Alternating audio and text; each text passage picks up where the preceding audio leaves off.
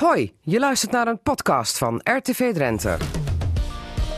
Radio Drenthe. Cassata. Margriet Benak. Het is zaterdag 1 februari 2020. Goedemiddag allemaal. Dit is Cassata aflevering 1081. Over creperen op de failliete camping Anlo zonder stroom en sommigen nu ook zonder gas. En toch willen bewoners er blijven omdat ze nergens anders heen kunnen. Maar wie is er nou verantwoordelijk?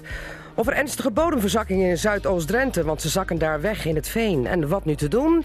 En over het theaterstuk Niemand is hier eenzaam, waarmee Peer Group langs verzorgingstehuizen in Drenthe reist. Het radioforum dat bespreekt weer het nieuws van deze week. En speciale tafelgast is vandaag een tafeldame, maar het is de kerstverse wethouder van Tinalo, Hanneke Wiersma van het CDA. Dit is Radio Drenthe. Cassata. Radio Drenthe. Ja, niet langer eh, kamperen op de failliete camping Anlo, maar creperen, kunnen we wel zeggen. Zonder stroom en sommigen nu ook zelfs zonder gas. En toch willen bewoners er blijven omdat ze nergens anders erheen kunnen. Maar wie is er nou verantwoordelijk? Wie moet er nou wat doen? Aan tafel de twee campingbewoners Bert Venema en Daphne Zonneveld. En ook aan tafel professor Herman Breuring. En hij is hoogleraar bestuursrecht. Laat ik gelijk even met een korte openingsvraag beginnen. Wie is er nou verantwoordelijk voor de hele toestand en moet zorgen voor een oplossing? Nou, professor Herman Breuring, kom er maar in. Ja, dan eh, kom je toch wel bij de bewoners uit. Het is natuurlijk een treurige eh, samenloop van omstandigheden. Dat er eh, gevaar is, brandgevaar en anderszins gevaar. En dan is de campinghouder failliet. Normaal zou je het met de campinghouder moeten oplossen. Het lijkt een beetje op de situatie dat je een auto hebt gekocht en dat daar achterstallig onderhoud eh, is, omdat die garagehouder gewoon geen goed werk verrichtte. En op een gegeven moment denk je, verrek nou moet ik mijn auto opknappen. En dan is de garagehouder failliet, dan is het je eigen probleem. Zo zit het juridisch in elkaar. Ja, dus het ligt bij jullie als campingbewoners zelf die verantwoordelijkheid, Daphne Zonneveld. Wat zeg jij dan? Ja, daar ben ik het absoluut niet, mee eens. Want eh, die beheerder heeft eh, ja, die camping in zo'n verval laten vallen. Eh, we hebben al meerdere keren gezegd, ga achter die beheerder aan. Ja, eh, want wij worden gewoon aan ons lot overgelaten. Wij doen al ons best als bewoners zelf om elkaar te helpen waar we kunnen met aggregaten en noem maar op. Maar wij zijn ook beperkt in wat wij kunnen. Ja. Ja, en eh, dan houdt het ergens een keer op. Ja, maar dan zeggen mensen, Bert Venema, nou mensen, het is een camping, ga naar je eigen huis. En wat zegt Bert Venema dan? Nou, als ik die eh, positie had, dan eh, ja. Maar Dan zou je dat wel willen. ja, zoals de meesten, die hebben geen eh, eigen huis. Nee, het eigen huis is het huisje op Camping Anlo. Ja. Ja, hoe lang zit jij daar? Ik recreëer daar zes jaar. Je recreëert, dat noem ik geen recreëren meer, Bert. Nee, u mag het noemen zoals u wil. Ja, het is wonen, hè? Ja. Ja, ja, en eigenlijk mag dat niet, Nee. of niet? Nee, maar ja, ze hebben, ik, ik zit daar ook bijna drie jaar. Ze hebben ons, ik sta ook ingeschreven in de gemeente. Ze hebben mij gewoon gedoogd. Ze- Je hebt jezelf laten inschrijven en dat was geen probleem. Ja, ze deden in het begin wel moeilijk over. Maar daarna heb ik ook nooit meer wat van ze gehoord. Oké. Hoe hebben jullie de nacht doorgebracht, eh, Bert? Want het gas ging er gisteren ineens af, want er was ook een lek. Ja, eh, nou ja, eh, de, de chaletjes eh, waar wij dan in zitten, die, eh, die zijn niet aangesloten op, eh, op aardgas. Wij zitten op eh, propaan. Eh, nou ja, ik ben in, de, in, de, in het gelukkige voordeel, ik heb een houtkachel. Dus ja, Warme voetjes sowieso. ik krijg het sowieso niet zo koud, maar er zijn genoeg mensen die dat niet hebben. Ja. En de stroom? Ja, dat gaat via een aggregaat. Ja. Dus eh, zit je in de herrie? Ja, Ja, ja. Jij lacht er nou om, Daphne, maar eigenlijk is het toch een hele trieste situatie waar jullie nou in zitten. Ja, dat is ook zo. Ja, op een gegeven moment... eh, we zijn ook hartstikke moe. Ja, eh, op een gegeven moment weet je het ook niet meer waar je het zoeken moet. Ja, en... Ja. Nog even kort vragen, dan ga ik naar de tafelgasten. Wie moet dit oplossen volgens jou? Ja, ik vind de, de voormalige of de beheerder, want hij is eigenlijk nog in dienst van de BV. Ook de stichting zit er nog eigenlijk bij. Die is tot nu toe nog niet failliet verklaard. Hij moet dit gewoon oplossen. Klaar. Bert, wat zeg jij? Nou, ik denk toch, eh, dan moet ik een klein beetje er vooraan vertellen, een klein stukje. Dat eh, eh, in 2014 is er een, een groot onderzoek geweest van de gemeente en de brandweer eh, naar de veiligheid van het stroomnet. Nou, die was toen al afgekeurd. Ja, En we leven nu in 2020. ja. Dus eh, waar is al die tijd de gemeente geweest? Eh, En dan nu te zeggen van, ja, wij trekken onze handen terug, maar de gemeente heeft toch ook een zorgplicht.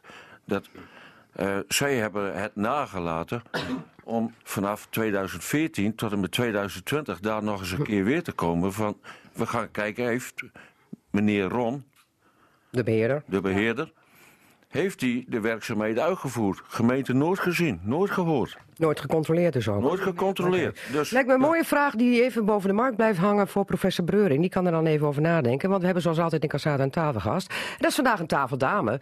Want ze is ja, dinsdagavond eh, beëdigd als de nieuwe wethouder van Tinalo. Hanneke Wiersma van het CDA, welkom. Dankjewel. Hoe voelt het nou? Eh, want eigenlijk vanaf woensdag op het plus. Dus eh, woensdag, donderdag, vrijdag drie dagen. Precies, En? drie dagen. Nou, dat is fantastisch eigenlijk. Ja, je ziet nu ineens wat er allemaal in zo'n gemeentehuis gebeurt. En wat, dat- wat het ambtenarenapparaat...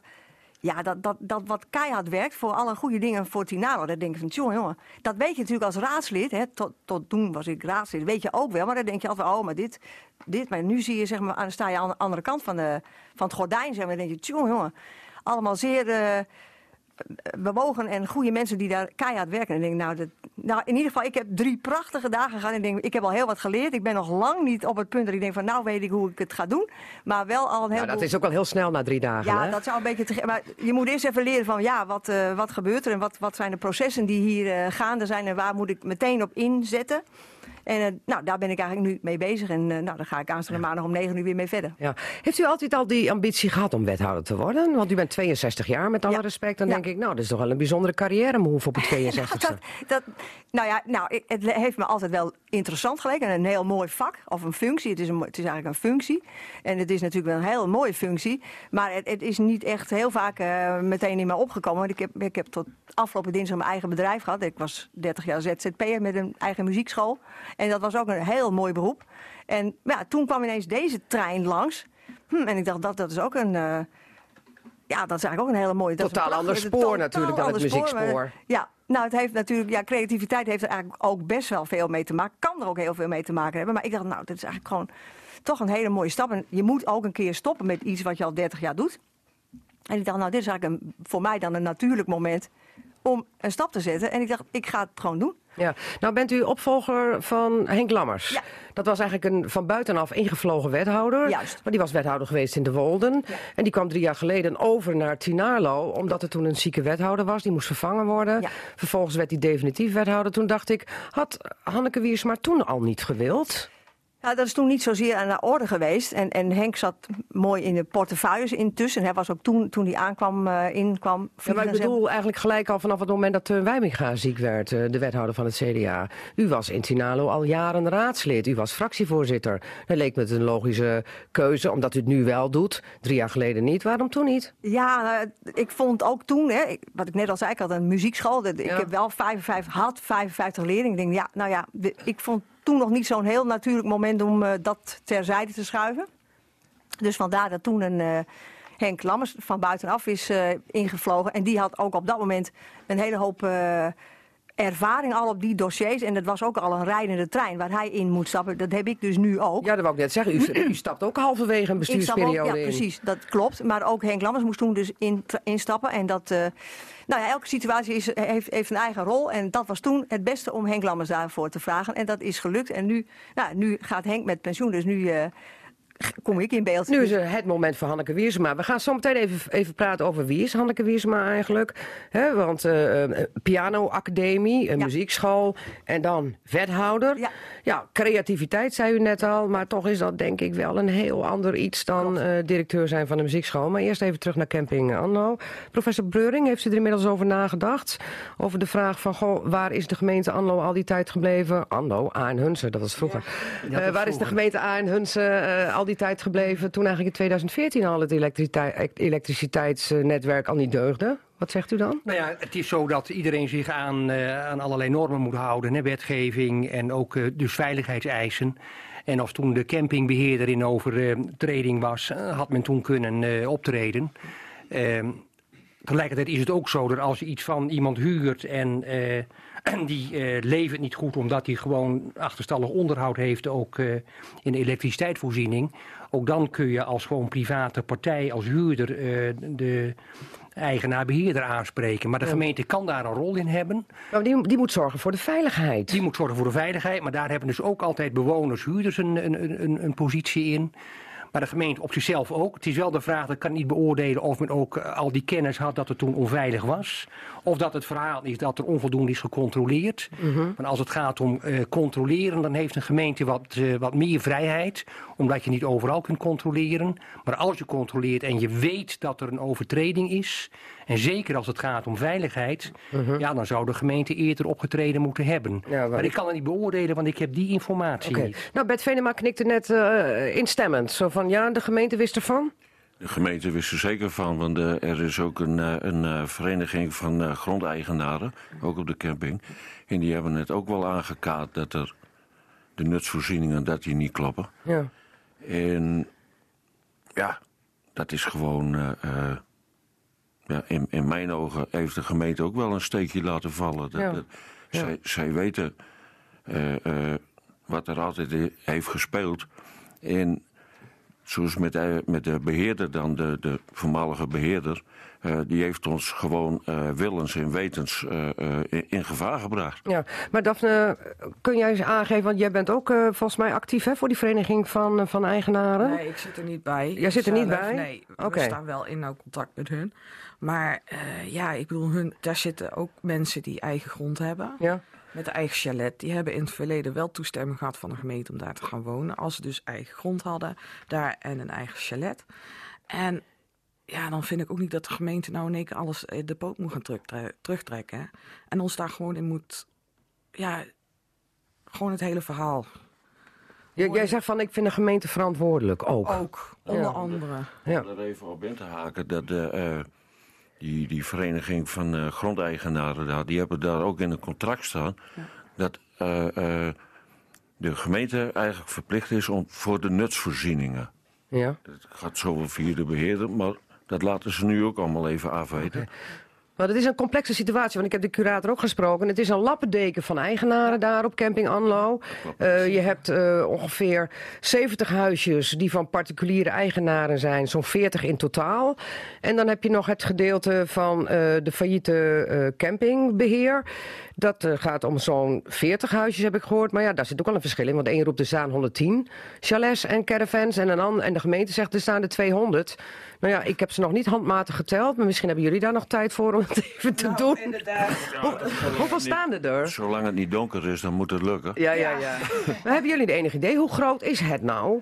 Nou, eh, zover als ik weet, als alles bezet zou zijn, dan zou het een eh, camping zijn voor 240 plaatsen. Plaatsen. Oké. Dus best een hele grote. Het is best een hele grote. En in het verleden was het ook een, een die stond ook hoog aangeschreven, echt een vijf-sterren camping. Maar er zijn er heel veel mensen, dat zei ik in het begin ook al, van ja, die bewoners zijn zelf verantwoordelijk. De professor zegt dat ook, want jullie wonen er, terwijl het eigenlijk niet mag. Ja, is Maar dat is bekend. iets anders nog, hè? want het is de vraag ehm, of je daar illegaal een recreatiewoning bewoont en of dat mag en of je daartegen moet optreden. Want Dat, dat heel- speelt al jaren in Nee, de dat gemeente. speelt al Die- jaren, Die, willen dat is- dwangsommen Ja, opleggen, die ja. willen ze eruit hebben. Nee, zeggen die bewoners, wij willen er niet uit. Het is onze enige plek, waar moeten we heen? Ja. Maar dat is een heel ander probleem dan eh, veiligheidsprobleem. Ja. Maar dat komt nu samen. Het komt nu samen, maar je moet er wel, eh, nou ja, juridisch moet je het uit elkaar houden, want eh, dat zijn gewoon verschillende dingen. En het gaat nu vooral om de veiligheid. De en- gemeente zegt ook van wij pakken het probleem van illegaal bewonen nu even niet bij de Nee. kop.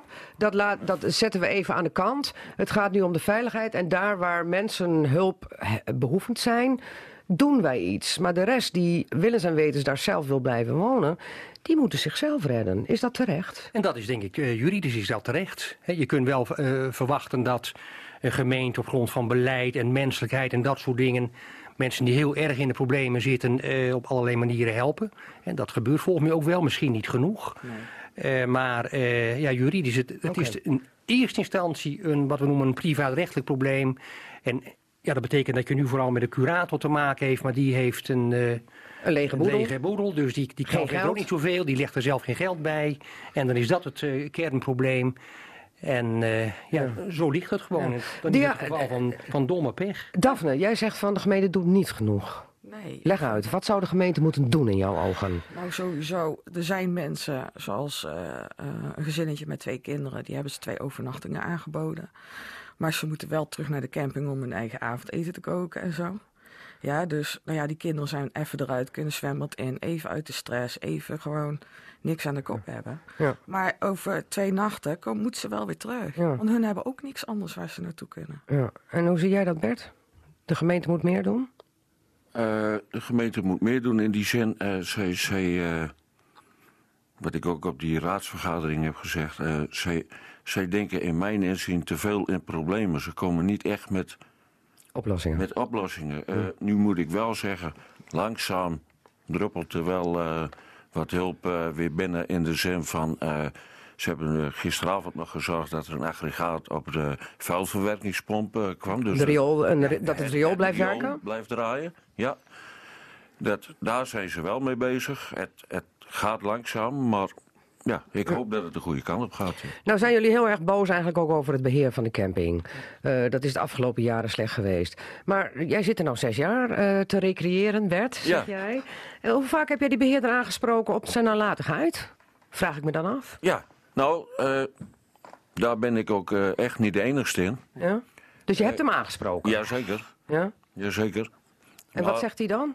Nou, eh, het is gewoon, eh, ja, sorry voor mijn woordgebruik, het is gewoon een geboren fantast. Hij gelooft zichzelf. Hij heeft hele grote verhalen. Dan gaat er dit gebeuren, dan gaat er dat gebeuren. Er zou eh splinter, splinternieuwe chalets allemaal komen, ah, 100.000 stuk.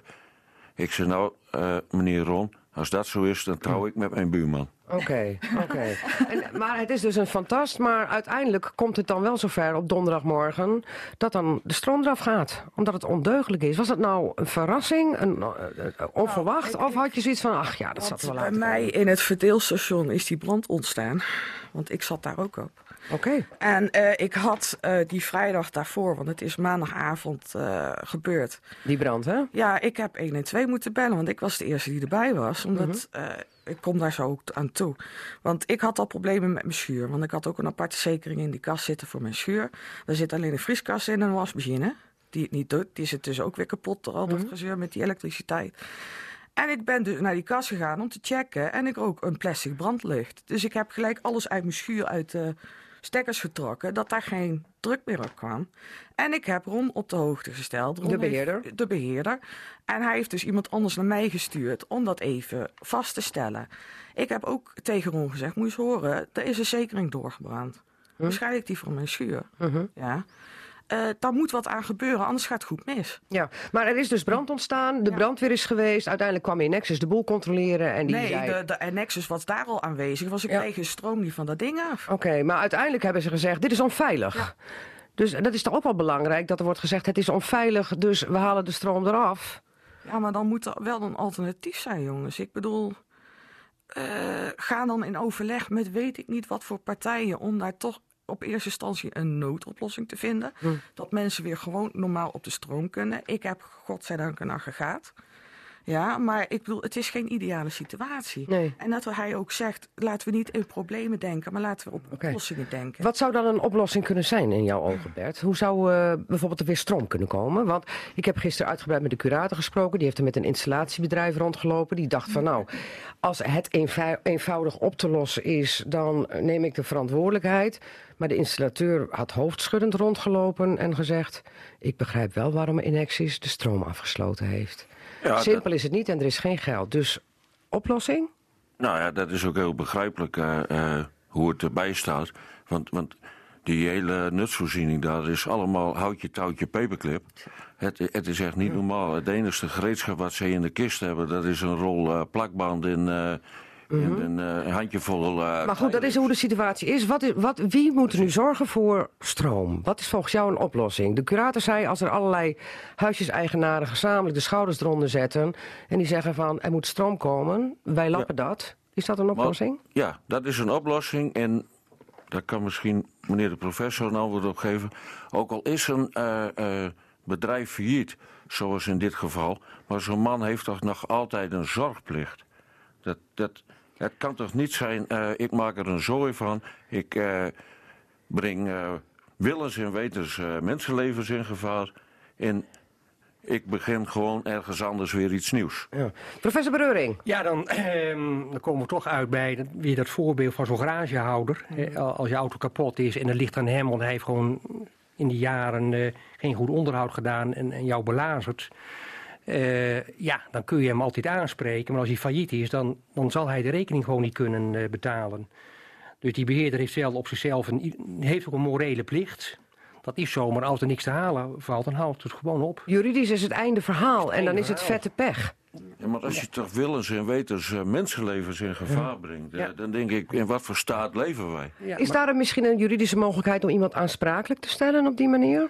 Nou, dan komen we bij, bij faillissementsrecht. Dat is niet helemaal mijn vakgebied. Hè, maar normaal gesproken er kan een BV of zo zijn en dan gaat hij op de fles.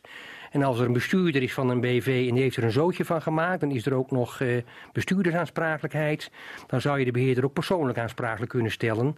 Als daar wat te halen valt. Ja, en wie zou dat dan moeten doen? Zouden dat dan de gedupeerden moeten doen, die in dit geval allemaal zitten te creperen in hun chalet door ondeugdelijk beheer?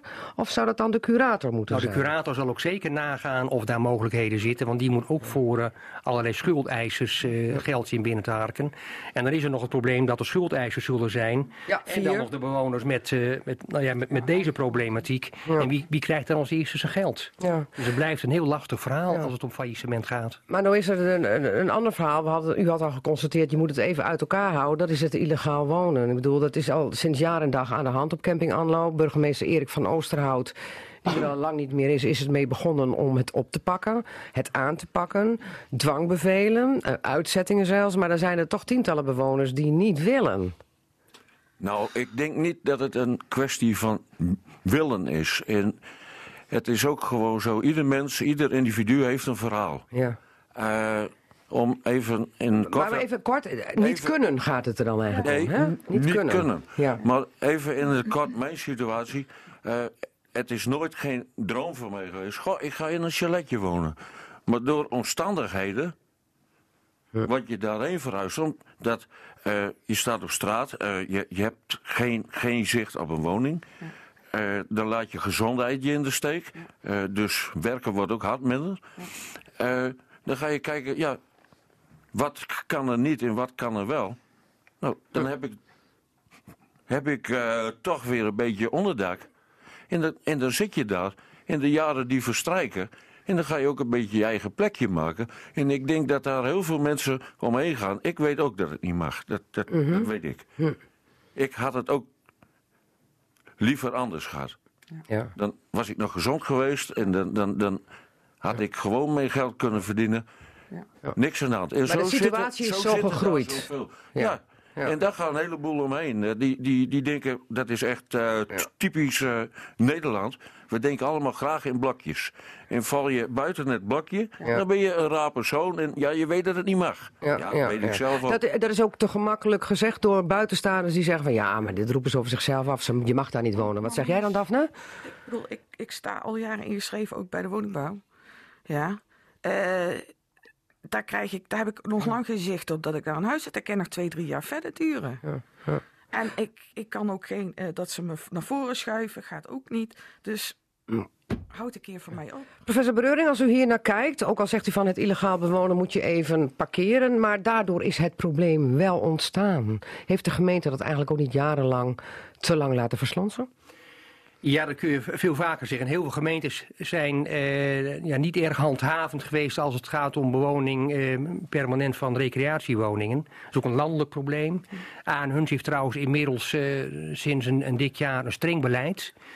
Eh, ja, op zichzelf mag dat ook. Want eh, ja, als, als je er niet mag wonen, mag je er gewoon niet, niet wonen. En zelfs al zou je er twintig jaar wonen, eh, de inzichten kunnen veranderen. Je kunt nieuwe ideeën hebben na verkiezingen. Maar als je er de 20 jaar of gemeenteraad. 30 jaar woont, heb je dan geen recht van spreken? Eh, eh, je kunt er geen echt recht aan ontlenen. Wat wel belangrijk is, als je ergens lang woont... en op een gegeven moment is er nieuw beleid en men wil handhaven... je moet eruit, last onder dwangsom... eh, dan zal de gemeente er meer moeten inspannen om alternatieve woonruimte te vinden... of om, om een beetje mee te betalen voor verhuizingen, dat soort dingen. En ze Maar kunnen dat heeft de gemeente ook aangegeven de Ja. afgelopen jaren, dat ze dat gingen doen. En jij schudt nee, Daphne, dat gebeurt niet? Nee, want ik heb, toen ik daar voor het begin zat, eh, heb ik ook contact opgenomen met het sociaal team. En hun zeiden, ja, je kunt. Want ik, ik, ik kwam daar eigenlijk met dozen, met, met katten en verder niks. Ik had geen inboedel, ja. En dit huisje had wel een inboedel, ja. En de gemeente Attenta zei ook, of nou ja, het sociaal team was dat toen de Ja. tijd. Die zei, ja, als je eh, geld nodig hebt om, om een nieuwe eh, inboedel te kopen... dan kun je bij de kredietbank lenen. Ik zei, van welk geld moet ik bij de kredietbank lenen? Ja, ja. dus dan, dan is het zo'n vicieuze cirkel. Ja. Ja. Ehm, ja, we moeten naar een oplossing toe. Eh, wat zeg jij dan, Bert? Wat is nu op korte termijn de oplossing om de situatie op camping Anlo te verbeteren? Nou, een, een eh, oplossing zou zijn, nou, daar, zijn, nou, daar is de curator nu al mee bezig. En de gemeente, ik was er eerst heel sceptisch over. En, maar nu dat ik zoals gisteren zie dat ze er met die Gerard, dan denk ik, ja, daar zit toch wel een beetje een, een eh, hartje. Ja. Maar eh, het, is, het is gewoon. er moet met elkaar om de tafel gezeten worden. van hoe kunnen we dit op een, op een manier oplossen. dat het eh, eh, qua geld binnen de perken blijft. Ja, en dat wij daar veilig kunnen zitten. Want, ja want is jullie, het, de- het, het komt er eigenlijk op neer, jullie kunnen daar niet weg. eh, Tenzij de gemeente ineens een, eh, een blik eh, sociale huurwoningen Ja. opentrekt Ja. voor een betaalbare prijs. ja. Ja. Kan ik zo, wat, wat zou u willen zeggen tot slot nog, professor Breuring? Nou ja, zo'n oplossing zou het mooiste zijn, maar eh, er zijn natuurlijk niet zoveel van zulke woningen. Dat is een probleem. Ja. En de gemeente zit er ook mee dat, dat veiligheid wel voorgaat. hè. Je kunt als gemeente ook niet op je geweten hebben dat er nog weer ernstige incidenten gebeuren. Dat risico zal men nooit durven nemen. Nee, want gisteren kwam er ineens weer een, gas, een gaslek naar boven. ja. De volgende keer vraag je af, Ja. wat, wat gebeurt er nog meer? En dat is eigenlijk alles bepalend, denk ik, die veiligheid. Dus als, ja, daar moet wat gebeuren. En dat kan ook betekenen dat, dat er voor mensen eh, iets gezocht moet worden. Misschien dat er ook wel combinatieoplossingen zijn. Hè, dat dat eh, aanpakken van dat illegaal bewonen daar is nu even niet van belang. Nee. Maar die veiligheid wel. En misschien dat je met aggregaten wat kunt, of voor een deel. En eh, kijken of je toch eh, andere woonruimte voor sommige mensen kunt vinden. Ja, maar dat lijkt me voor velen geen oplossing, want die willen hoe dan ook op camping Anlo blijven. Ja, maar Dat dat, is- maar dat is niet zo'n sterk argument. Oké, nou, je hoort het. Het is Tot slot. niet- Tot slot. Het is, het is niet zo'n sterk argument, maar dan denk ik van... eh, eh, er zitten mensen die zitten daar al zoveel jaar. Eh, moet je die nog verplanten? Dan weet je zeker, die mensen die gaan dat niet redden. Dat, dat is gewoon zo. Ja, want die zijn in de tachtig. als wij, als wij dan kun je wel zeggen, nou, stel in de ideale wereld... de gemeente gaat allemaal nieuwe huizen voor ons bouwen. Eh, dan denk ik dat het stroomprobleem eh, oplossen... dat dat veel goedkoper is. Oké. Dus eerste zorg is nu stroomproblemen oplossen. En wie moet dat betalen, Daphne? Ja, eh, ik denk dat we maar een potje bij elkaar moeten gaan gooien, zo ongeveer. Want ik weet het anders ook niet meer. Goed. Jullie gaan terug naar camping Anlo. Ehm, eh, jij hebt een houtkachel, Bert. Je hebt in ieder geval warme voeten. eh, ik heb ook een houtkachel. Jij hebt ook een houtkachel. Ehm, we blijven het volgen hoe dit eh, afloopt. En nog één, de professor heeft altijd de wijsheid in pacht, zeggen ze wel eens. Wat is het advies van u nu? Nou, dit is wel een. eh, ehm, ja, ik, ik, het zou denk ik toch verstandig zijn voor bepaalde bewoners. eh, als, die, als het veiligheidsprobleem niet goed eh, op te lossen valt. om ook in andere oplossingen toch te denken. Die Buiten camping Anlo. en dat kan heel goed zijn buiten camping Ander. Want die veiligheid gaat toch echt voor. Goed, die wij gaan, aan te doen. wij gaan jullie bedanken. Professor Breuring, dank u wel voor uw inbreng. En Daphne Sonneveld en Bert Venema. Sterkte met alles wat nog komen gaat rond camping Anlo. Dank voor jullie komst. Radio Drenthe. Cassata. Radio Drenthe. Ja, van de ene ellende in de andere ellende, zeggen we dan in Cassata. Ze zakken weg in het veen in Zuidoost-Drenthe. En daarom moet er iets gebeuren. Wat precies, dat weten de instanties nog niet. Eerst volgt er nu een onderzoek. Maar Mirjam Weisser uit eh, Nieuw-Amsterdam, die weet er alles van. Die zakken ook weg en die bond de kat de bel aan. Zeg ik dat zo goed? Ja, dat zeg je heel goed. Ja. Ja, want hoe erg is de situatie in Huizen Weisser? Die is zeer ernstig. Wij hebben in oktober een, eh, een lek gekregen in de gasleiding. Wij moesten eh, op, op last van de brandweer het huis verlaten. En eh, wij zagen al langer dat bij ons echt letterlijk de grond onder onze voeten wegzakt. Ja, het huis zakt het veen in. Zoiets zou je kunnen zeggen. Want jullie geval- wonen in... Wij wonen in Nieuw-Amsterdam, tussen Nieuw-Amsterdam en Erika aan de Hoogveense Vaart. En daar is het echt heel ernstig. En we hebben al jarenlang last van verzakkingen. Diepe bodemdaling, laten we het zo noemen. We gaan zo meteen eh, praten over vermoedelijke oorzaken, gevolgen en wie hier nu verantwoordelijk voor is. Het lijkt wel een beetje een kopie van Camping Anlo, hè? Ja. Ellende. Ik zat daar buiten te wachten en ik dacht, hé, hey, veiligheid. Het gaat wel Ja. inderdaad de hele radio-uitzending over veiligheid. Ja, veiligheid en gevaar. Precies, ja. Want Ja. hoe staat het met de veiligheid van de mensen? Dat is ook de grote vraag Ja. bij jullie in het gebied. Maar eerst even naar onze speciale tafelgasten. De kerstverse groene wethouder van Tinalo. Want het CDA heeft ook eh, groen als eh, hoofdkleur, hè? Hanneke Wiersema. zeker. Ja. Eh, drie dagen nu op het plus. opvolger van, van Henk Lammers. Eh 62-jarige leeftijd wordt ze nog even wethouder, deze Hanneke Wiersema. En een vrouw, hè? Ja, ja, ja, Ja. dat, eh, ja. Dus nu hebben we in het college twee vrouwen. Dus dat is eigenlijk wel een mooie balans. Hè? Drie Nou, niet. Nee, daar heb je Het is gelijk geen in. 50-50, Nee, want er zijn- 50 Nee, heb je gelijk in. Er ja. zijn drie mannelijke wethouders. Dan hebben we over Pepijn Vemer, René Kraaienbrink en Hans de Graaf. En dan Ja. ook nog een mannelijke burgemeester. Dus het is twee tegen vier. Nou ja, dat, dat is waar, daar heb je gelijk in. Dus we zijn, er- we zijn er nog lang niet. Maar het, het is in ieder geval wel een, betere balans misschien, zou je kunnen zeggen, wat dat betreft, dan eh, voorheen. Ja, want de, de, de balans in heel Drenthe is uitermate scheef als ik het heb over vrouwelijke wethouders, toch? Dus een Ja. nieuwe vrouwelijke wethouder in Drenthe erbij, dat is altijd welkom. Precies. Nee, dat ben ik wel met je eens. In het algemeen in de politiek zouden veel meer vrouwen eh, toe moeten treden. Want het is toch nog best wel een beetje een mannenclub, Ja. zeg maar. Om het- En wat mankeert daar dan aan? Nou, niet zoveel op zich, maar het, is, het zou beter voor de balans zijn. Vrouwen hebben. Ja, weet je, het is ook niet zo dat je alleen vrouwen moet kiezen omdat het een vrouw is. Want eh, ze moeten, je moet ook eh, in zekere zin. de capabelheid gaat het dan Ja, misschien ook over. kwaliteit en gaat voor kwaliteit alles. en allerlei dingen. En, maar moeten elkaar aanvullen. En nou ja, ieder mens heeft, zo zijn, heeft zijn eigen inbreng. Maar het is daarom wel aardig dat ook genoeg vrouwen meedoen. Want die hebben Mhm. Ja. net zo goed de, de nodige capaciteiten. Dus ik zou zeggen, alle vrouwen, meld u. Ja, ja. eh, dus het, is, het, gaat een beetje richting de balans, zeg maar, in Tinalo. Maar even naar uzelf toe. Wie is Hanneke Wiersema? Hanneke Wiersma is. ge- ik kom uit Batuverdorp, daar ben ik geboren. Dus ik kom eigenlijk uit het westen, maar wel vlakbij een vliegveld geboren. Dus dat is in het kader van GAE misschien een. eh, Groningen grap. Airport Eelde. Groningen Airport Vliegveld Eelde. Eelde noemen we dat gewoon. Ja, nee, zo is het. Vliegveld Eelde is dat op zich, eh, vind ik dat altijd wel een grappige bijkomstigheid. Ik ben Van het ene vliegveld naar het andere. Precies. En eh, ik ben van huis uit, ik ben muzikus, ik ben pianist, ik ben afgestudeerd aan het conservatorium. In, en daarna heb ik een muziekschool opgericht. Eh, en dat is gaandeweg steeds eh, groter geworden. En het is eh, afgelopen dinsdag geëindigd. En na die Is het helemaal gestopt? Ja, ik heb gestopt. Ben gestopt. Oh. Ja. Maar ja, het- is ook, ik heb dat 30 jaar gedaan. Ja. En op een zeker moment, toen deze trein voorbij kwam van, nou ja, hè, de mogelijkheid om eventueel wethouder te worden, dacht ik van ja, wat ga ik dan doen? Ik heb er heel even over nagedacht. En ik dacht, ja, na 30 jaar, het is ook eigenlijk, ja, het is eigenlijk ook wel genoeg. Ik heb heel veel plezier heb ik het gedaan. En Ja. heb ik het tot en met dinsdag nog eh les gegeven.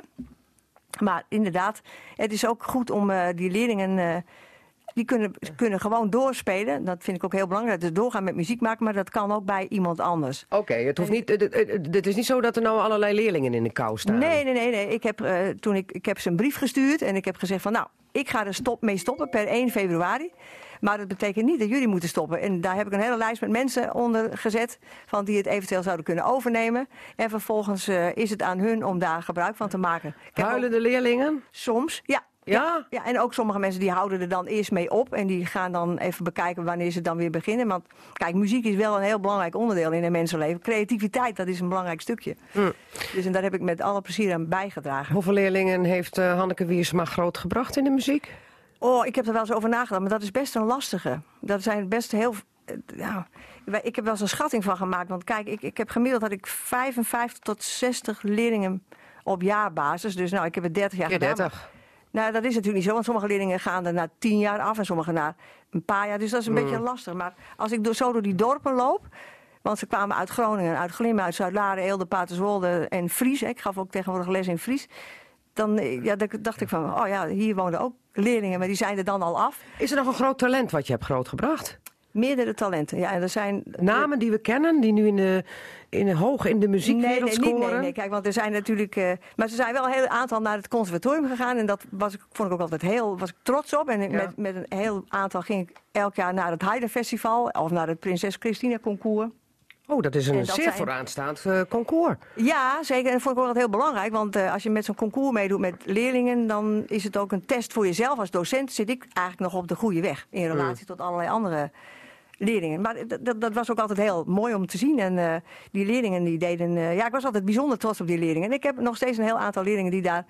Ik hoop dat ze doorgaan en dan hoor ik wel weer vanzelf van ze. Oké. Nou, dan wordt het wethouderschap toch heel iets anders. Want u gaat een beetje de grijze portefeuille in. Met wegen en afval. Dat is toch heel wat anders dan muziek maken. Maar daar gaan we straks uitgebreid over praten Is na goed. één uur. Want eh, ze zit er niet voor niks, Mirjam Wijzer. Die wegzakt in het veen met haar huis. Ja. Maar u bent niet de enige. Nee. Hoeveel mensen zakken nog meer weg? Nou, wat ik heb begrepen zijn er inmiddels al 50 meldingen bij de gemeente Emmen gedaan. En ik weet ook van mensen die nog geen melding hebben gedaan. Dus dat eh, getal van 50 is nog een, eh, een ondergrens. Maar u heeft een Facebookgroep gemaakt. En Ja. daar zijn veel meer mensen lid van. Ja, daar zijn 279 mensen lid van. Niet iedereen eh, heeft last van een bodemdaling. Er zitten ook bijvoorbeeld politie tussen, politici of mensen. Poli- van het- ik dacht politie, nee, politici, politici ja, of mensen van het waterschap.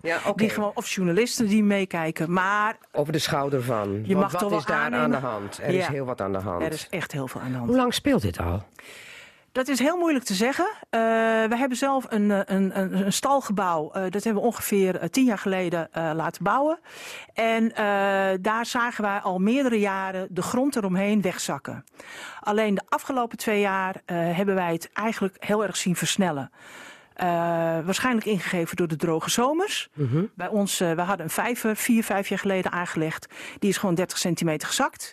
Eh, dat is hobbel de bobbel geworden, om het zo maar te zeggen. Het grondwater zakt dus. Ja, ja, Ja. en de, de bodem zakt. Ja. De bodem zakt. En Ja. we weten niet waardoor. Want het kan het grondwater zijn.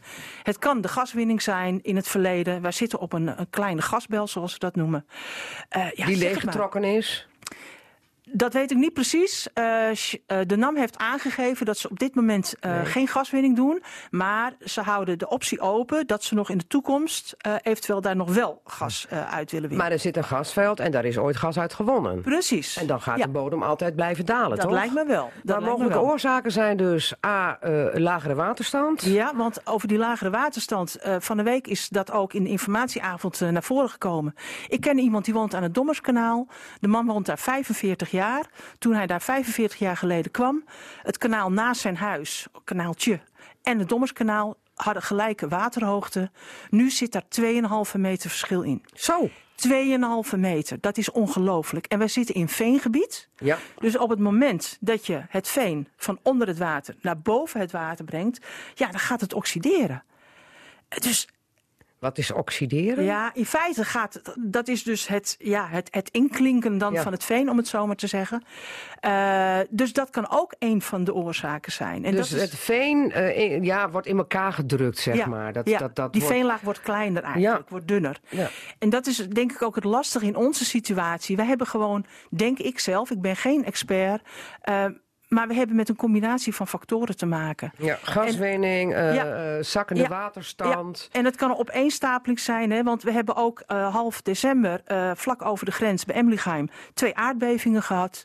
Eén van 1,1, één van 1,3 op de schaal van Richter. Als al iets ergens zwak is en er komt een, stuk, ja, een aardbeving overheen in die ondergrond, dan heeft dat ook zijn effecten. Ja. Dus, Dus wie is er eigenlijk allemaal verantwoordelijk hiervoor? ja, dat is dus het lastige. Want wij als burgers, en daarom heb ik ook zo die oproep gedaan naar de gemeente. Van gemeente Emmen, help ons. Hè, kom samen met ons in actie. Want ook de gemeente Emmen heeft problemen. Die is verantwoordelijk voor de riolering, voor de wegen. Dat ben je als wethouder, dat weet u alles van. Ehm, we hebben met een NAM te maken. We hebben met een Annexis te maken. We hebben met eh, het waterschap te maken. Eh, we hebben bij wijze van spreken ook met eh, de, de kabelmaatschappij te maken. Heel veel mensen hebben last met Ziggo, die gewoon niet meer binnenkomt. Ehm, Want de kabel zakt weg. ja, de kabels, dus continu storingen. Ja, ja. Dus ja, zeg het maar. Verhuizen, zou ik zeggen. Want jullie zakken weg. Ja, Je maar man dat- zit nu heel ernstig op de bank te kijken. Ja. Want die wil niet achter de microfoon, maar die luistert wel mee. Ja, is dat, nog een optie? Ja, maar dan, dan, dan, Je zijn wij financieel natuurlijk. Ja, maar dan zijn wij financieel ook natuurlijk. We hebben heel erg eh, in ons huis geïnvesteerd om het weer een oude glorie te herstellen. Ons huis is van 1874.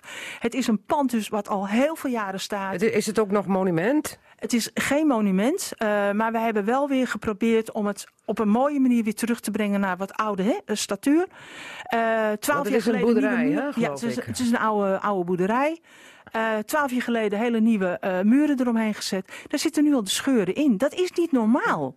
Dat is gewoon niet normaal. De funderingen van twaalf jaar geleden gelegd, die zijn nu gewoon open en bloot te zien. Omdat de grond eromheen wegzakt. Omdat de grond eromheen compleet wegzakt. Nou was het aanvankelijk zo dat u behoorlijk aan de deur van de gemeente Emmen heeft moeten lopen trekken. Omdat daar geen gehoor Nee, was. Na de gaslek heb ik eh, meteen de dag erop een, eh, een, een, een, een, een noodbrief gestuurd. Per mail doe je dat tegenwoordig. Aan waterschap, eh, eh, eh, eh, provincie en gemeente. En eh, provincie en waterschap belden binnen 24 uur terug. Die zagen de ernst van de situatie. En gemeente Emma reageerde maar niet. Ondertussen ben ik eh, bij mijn buren gaan inventariseren. Dat zijn 30 huizen. Hebben jullie ook allemaal last van verzakkingen? Want ik, je hoort natuurlijk wel het een en ander. En ja, daar kreeg ik heel veel reacties op. Dus jullie waren niet alleen op de wereld. wij waren niet alleen op de wereld. En die hele inventarisatie heb ik bij elkaar gegooid. En pas op het moment dat ik dat via een openbare vergadering bij plaatselijk belang bekend maak, zit er een journalist achter mij en dan gaat de pers eh, rollen.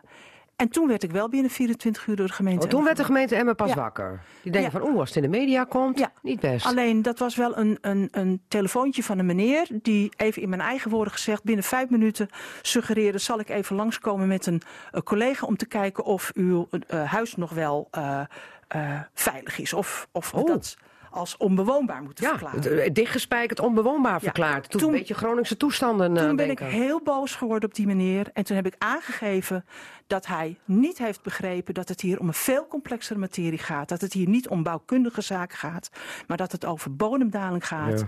En dat is ook waar ik voor pleit. Eh, er moeten mensen eh, van enige senioriteit op dit project gezet worden, die gewoon over hun eigen grenzen van de afdeling kunnen kijken en gewoon eh, zien eh, dat dit een complexe materie is. Niet met de vinger wijzen naar de bewoners Nee. van... goh, je heeft eigenlijk de boel daar verzaakt. Ja. Niet goed onderhouden. Nee. Eigen schuld, dikke bult. Nee, precies, onbewoonbaar. Precies, precies. En dat is ook niet wat nu aan het gebeuren is. Gemeente Emmen heeft afgelopen week een informatieavond georganiseerd. Ja, met 200 mensen kwamen met erop af. 200 mensen, dus ook dat geeft aan hoe het leeft in het gebied. Eh, en dan niet alleen Nieuw Amsterdam Erika, waar men zich nu op, op, op Maar concentreert. wat, hoe groot is de cirkel? We krijgen ook meldingen van Nieuw Dordrecht. We krijgen ook meldingen vanuit Schonebeek, Nieuw Schonebeek. We krijgen meldingen van Erika, die zit dan wel in het onderzoeksgeheel. Eh, het is eigenlijk de hele gemeente Emmen wel waar, waar, waar meldingen van komen. Alles waar veen zit. Alles waar veen zit. Ja, dat Ja. geeft toch te denken. Ja. Ja. Ja. Nu is er afgesproken dat er een onderzoek komt. Hoe Klopt. komt dat onderzoek eruit te zien? Nou, dat is nog niet duidelijk. Dat gaan ze in de maand februari eh, gaan ze daar het plan van aanpakken. Ik geloof iets met proefhuizen, dat ze dat gaan ja, bekijken. ze willen 5 à 10 percelen gaan eh, uitvoerig gaan onderzoeken. Maar wat ze dan precies gaan onderzoeken, wie dat gaat onderzoeken, dat is allemaal nog onduidelijk. Ik heb zelf nog geen eh, verzoek gekregen dat wij bij die 5 tot 10 horen. Terwijl ik denk, wij zijn een van de ernstige gevallen in, Ja. in de omgeving. Dus ik denk dat wij daarbij horen, maar dat is mijn gedachte. Eh, maar wie dat onderzoek gaat uitvoeren, dat weet ik nog niet. Wat ik merk is dat op die informatieavond er toch een aantal junior medewerkers door de verschillende instanties er naartoe gestuurd zijn. En ik denk dat we niet met junior medewerkers dit project eh, moeten aanpakken.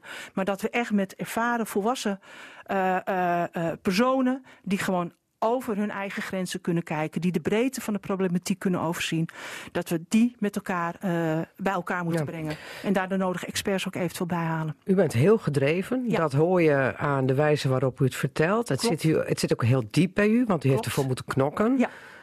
Maar als ik dit zo beluister, dan, dan, dan doen het bij mij beelden op als een versterkingsoperatie Groningen. Ik Zie heb, ik dat goed? ik heb het niet willen noemen, Groninger toestanden. Maar als we dit niet goed aanpakken, ga je vroeg of laat Groninger toestanden krijgen. Ja. Nee, maar je, daar, hier verzakt het ook nog Ja. in de bodem met Klopt, het veen. Klopt. Daar is in Groningen geen sprake van. Daar Nee. heb je vooral scheuren in huizen, waardoor de Ja. bouwtechnische constructie wordt Daarom aangetast. denk ik ook dat het bij ons ingewikkelder is. Ja.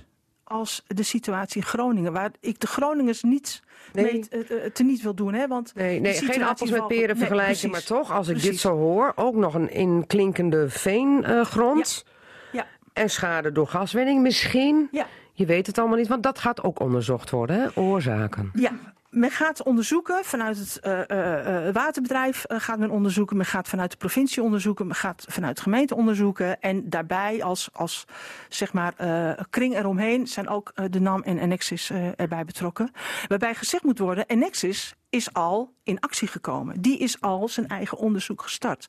Dus die hebben heel duidelijk door van wij hebben als organisatie hier een verantwoordelijkheid en veiligheid moet voorop staan en wij gaan hiermee aan de slag. In verband met de, het elektriciteitsnetwerk. En het gas. En het gas, want bij jullie Ja. ging het al mis Ja. met een aansluiting die geknapt precies. is. En gelukkig is dat overdag gebeurd. Want als het s'nachts was gebeurd, mijn man moet altijd vroeg opstaan. Dus die doet een lichtknop aan om licht te krijgen eh, hè, in het Ja. donker.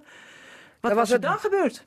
Want jullie huis was volgelopen met gas, begrijp Ons ik? huis was volgelopen met gas. Nou, volgens mij had je dan een enorme explosie gehad. Ik denk dan ook dat ik hier niet had gezeten. Nee. Jeetje, je krijgt er bijna kippenvel van. Ja. Als ik dit zo hoor. Dus eigenlijk kan dit ook niet al te lang duren. Nee. Dus hoe snel moet dit opgelost worden? Nou ja, eh, toen ik eerst hoorde dat het onderzoek, eh, de resultaten zeg maar in het najaar pas zouden komen, was mijn eerste reactie, dat vind ik heel erg laat. Eh, toen ik de planning zag, zag ik ook dat de gemeente heeft bedacht dat ze ook bewust de zomerperiode erbij willen betrekken. Nou, dat vind ik op zich een hele zinnige. Ik ga er niet van uit dat we een derde droge zomer hebben.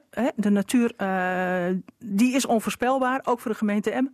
Ehm, maar goed, dat ze een zomerperiode erbij willen nemen, oké. Eh, Maar dan wel aan de slag. dan wel aan de slag met de goede mensen en de goede experts. Oké. Ja. Maar het kan nog wel even duren voordat eh, de oorzaak is vastgesteld, de gevolgen in kaart zijn gebracht en wat de aanpak moet zijn. Klopt. En Dus hoeveel? jullie zijn er nog lang niet We vanaf. zijn er nog lang niet vanaf. Nee. Oké. nee. Eh, eh, wij leven met jullie mee van Casata. Ja, daar dankjewel. in het veengebied. Ja, Mirjam Wijzer, dank voor het verhaal. Sterkte, ook eh, met de man. En s ochtends niet meteen het lichtknopje aandoen, lijkt me. Dit was de eerste uur Casata. Zometeen het vervolg met het radioforum. En alles ook nog over onze tafelgasten. Hanneke Wiersma, de kerstverse wethouder van Tinalo. Want wat wordt haar eerste taaie, moeilijke klus? En ik kan hem bijna wel raden. Vliegveld Eelde. Ja. Altijd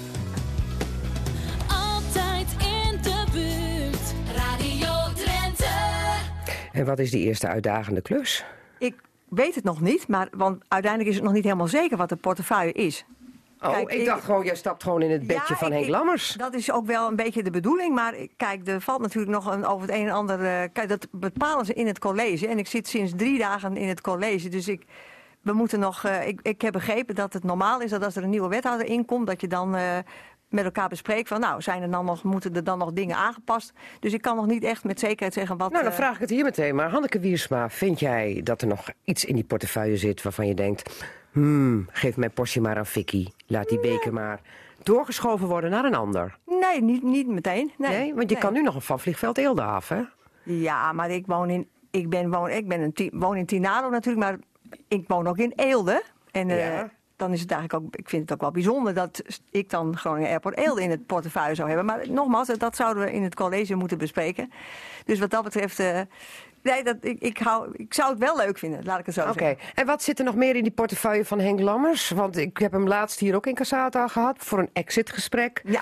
En toen, het is niet echt het meest eh, sexy eh, onderwerp wat, eh, wat hij deed. Het is namelijk het afvalbeleid. nou, ja. Nou ja, maar wat vind je dan een sexy... Nee, ik vind het, ik vind het een heel uitdagende portefeuille. Het Ja? gaat ook over de fietssnel, fietsstraatweg.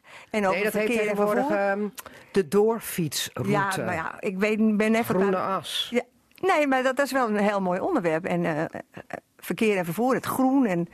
De wegen? de Paterswol- ja, de pa het Paterswoldse meerschap. En nou, begraven en afval, dat heb je al genoemd. En, eh, Begraven, dat vind ik ook al niet zo...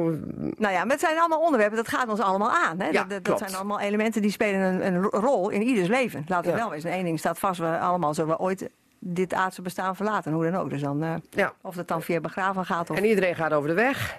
Iedereen maakt gebruik van de En iedereen wegen. heeft afval. En iedereen, dus het is, het is iets wat iedereen aangaat. Dus ik denk dat het een uitdagende portefeuille is. En ik, we gaan gewoon bekijken wat daar dan, eh, hoe dat dan eigenlijk het beste zou uitpakken, zeg maar. Ja. Er ligt nog wel een dingetje met de situatie van een wegaanpak in Eelde. Ik weet het, dat is de hoofdweg. En Ja, dat, dat en is, u eh, woont zelf in Eelde. En er zijn heel veel mensen boos over. Want eh, er komt een weg en die Ja. wordt verbreed. Ja, nou, de, de weg zal niet, die wordt, de weg is zoals die nu is. Er wordt, komt niet echt veel ruimte bij. Dus, eh, maar we weten ook allemaal dat de fietspaden die daar liepen, dat was al sinds jaren en dag het slechtste fietspad van Drenthe. Dus Ja. De raad zei toen van, nou, laat, gaan jullie dit nou even zo spoedig mogelijk aanpakken. En dat vonden wij ook allemaal terecht.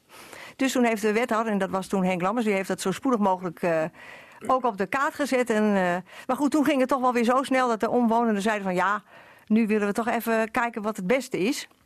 Maar die zijn niet blij. Nou ja, eh, dat, dat Want valt... er gaan hele dikke harmonica-bussen over die weg straks. het En dat vinden ze levensgevaarlijk. Nou ja, kijk, die, die, die, kijk, dat moet allemaal nog, we gaan er allemaal nog met elkaar in overleg. Hè, met al die omwonenden. Dat is aanstaande week. op donderdag is er een informatieavond in, eh, in, het, in, in het gemeentehuis. En dan komen al die onderwerpen aan de orde. Maar het OV-bureau die is ook in, eh, in Eelde van plan om de buslijn te strekken, zoals ze dat noemen. Dat gebeurt in alle plekken van heel veel plekken in Drenthe. Dat die bussen gaan niet allemaal dwars door al die dorpen heen. Maar die gaan er als het ware in een rechte formatie langs. Of doorheen, of hoe je het ook maar zegt. En daarnaast hebben ze, zijn het ook elektrische bussen geworden. Het zijn van die harmonica-bussen. Dus er zit een. eh, ze zijn wel groot. ze zijn wel En breed. groot. Ja.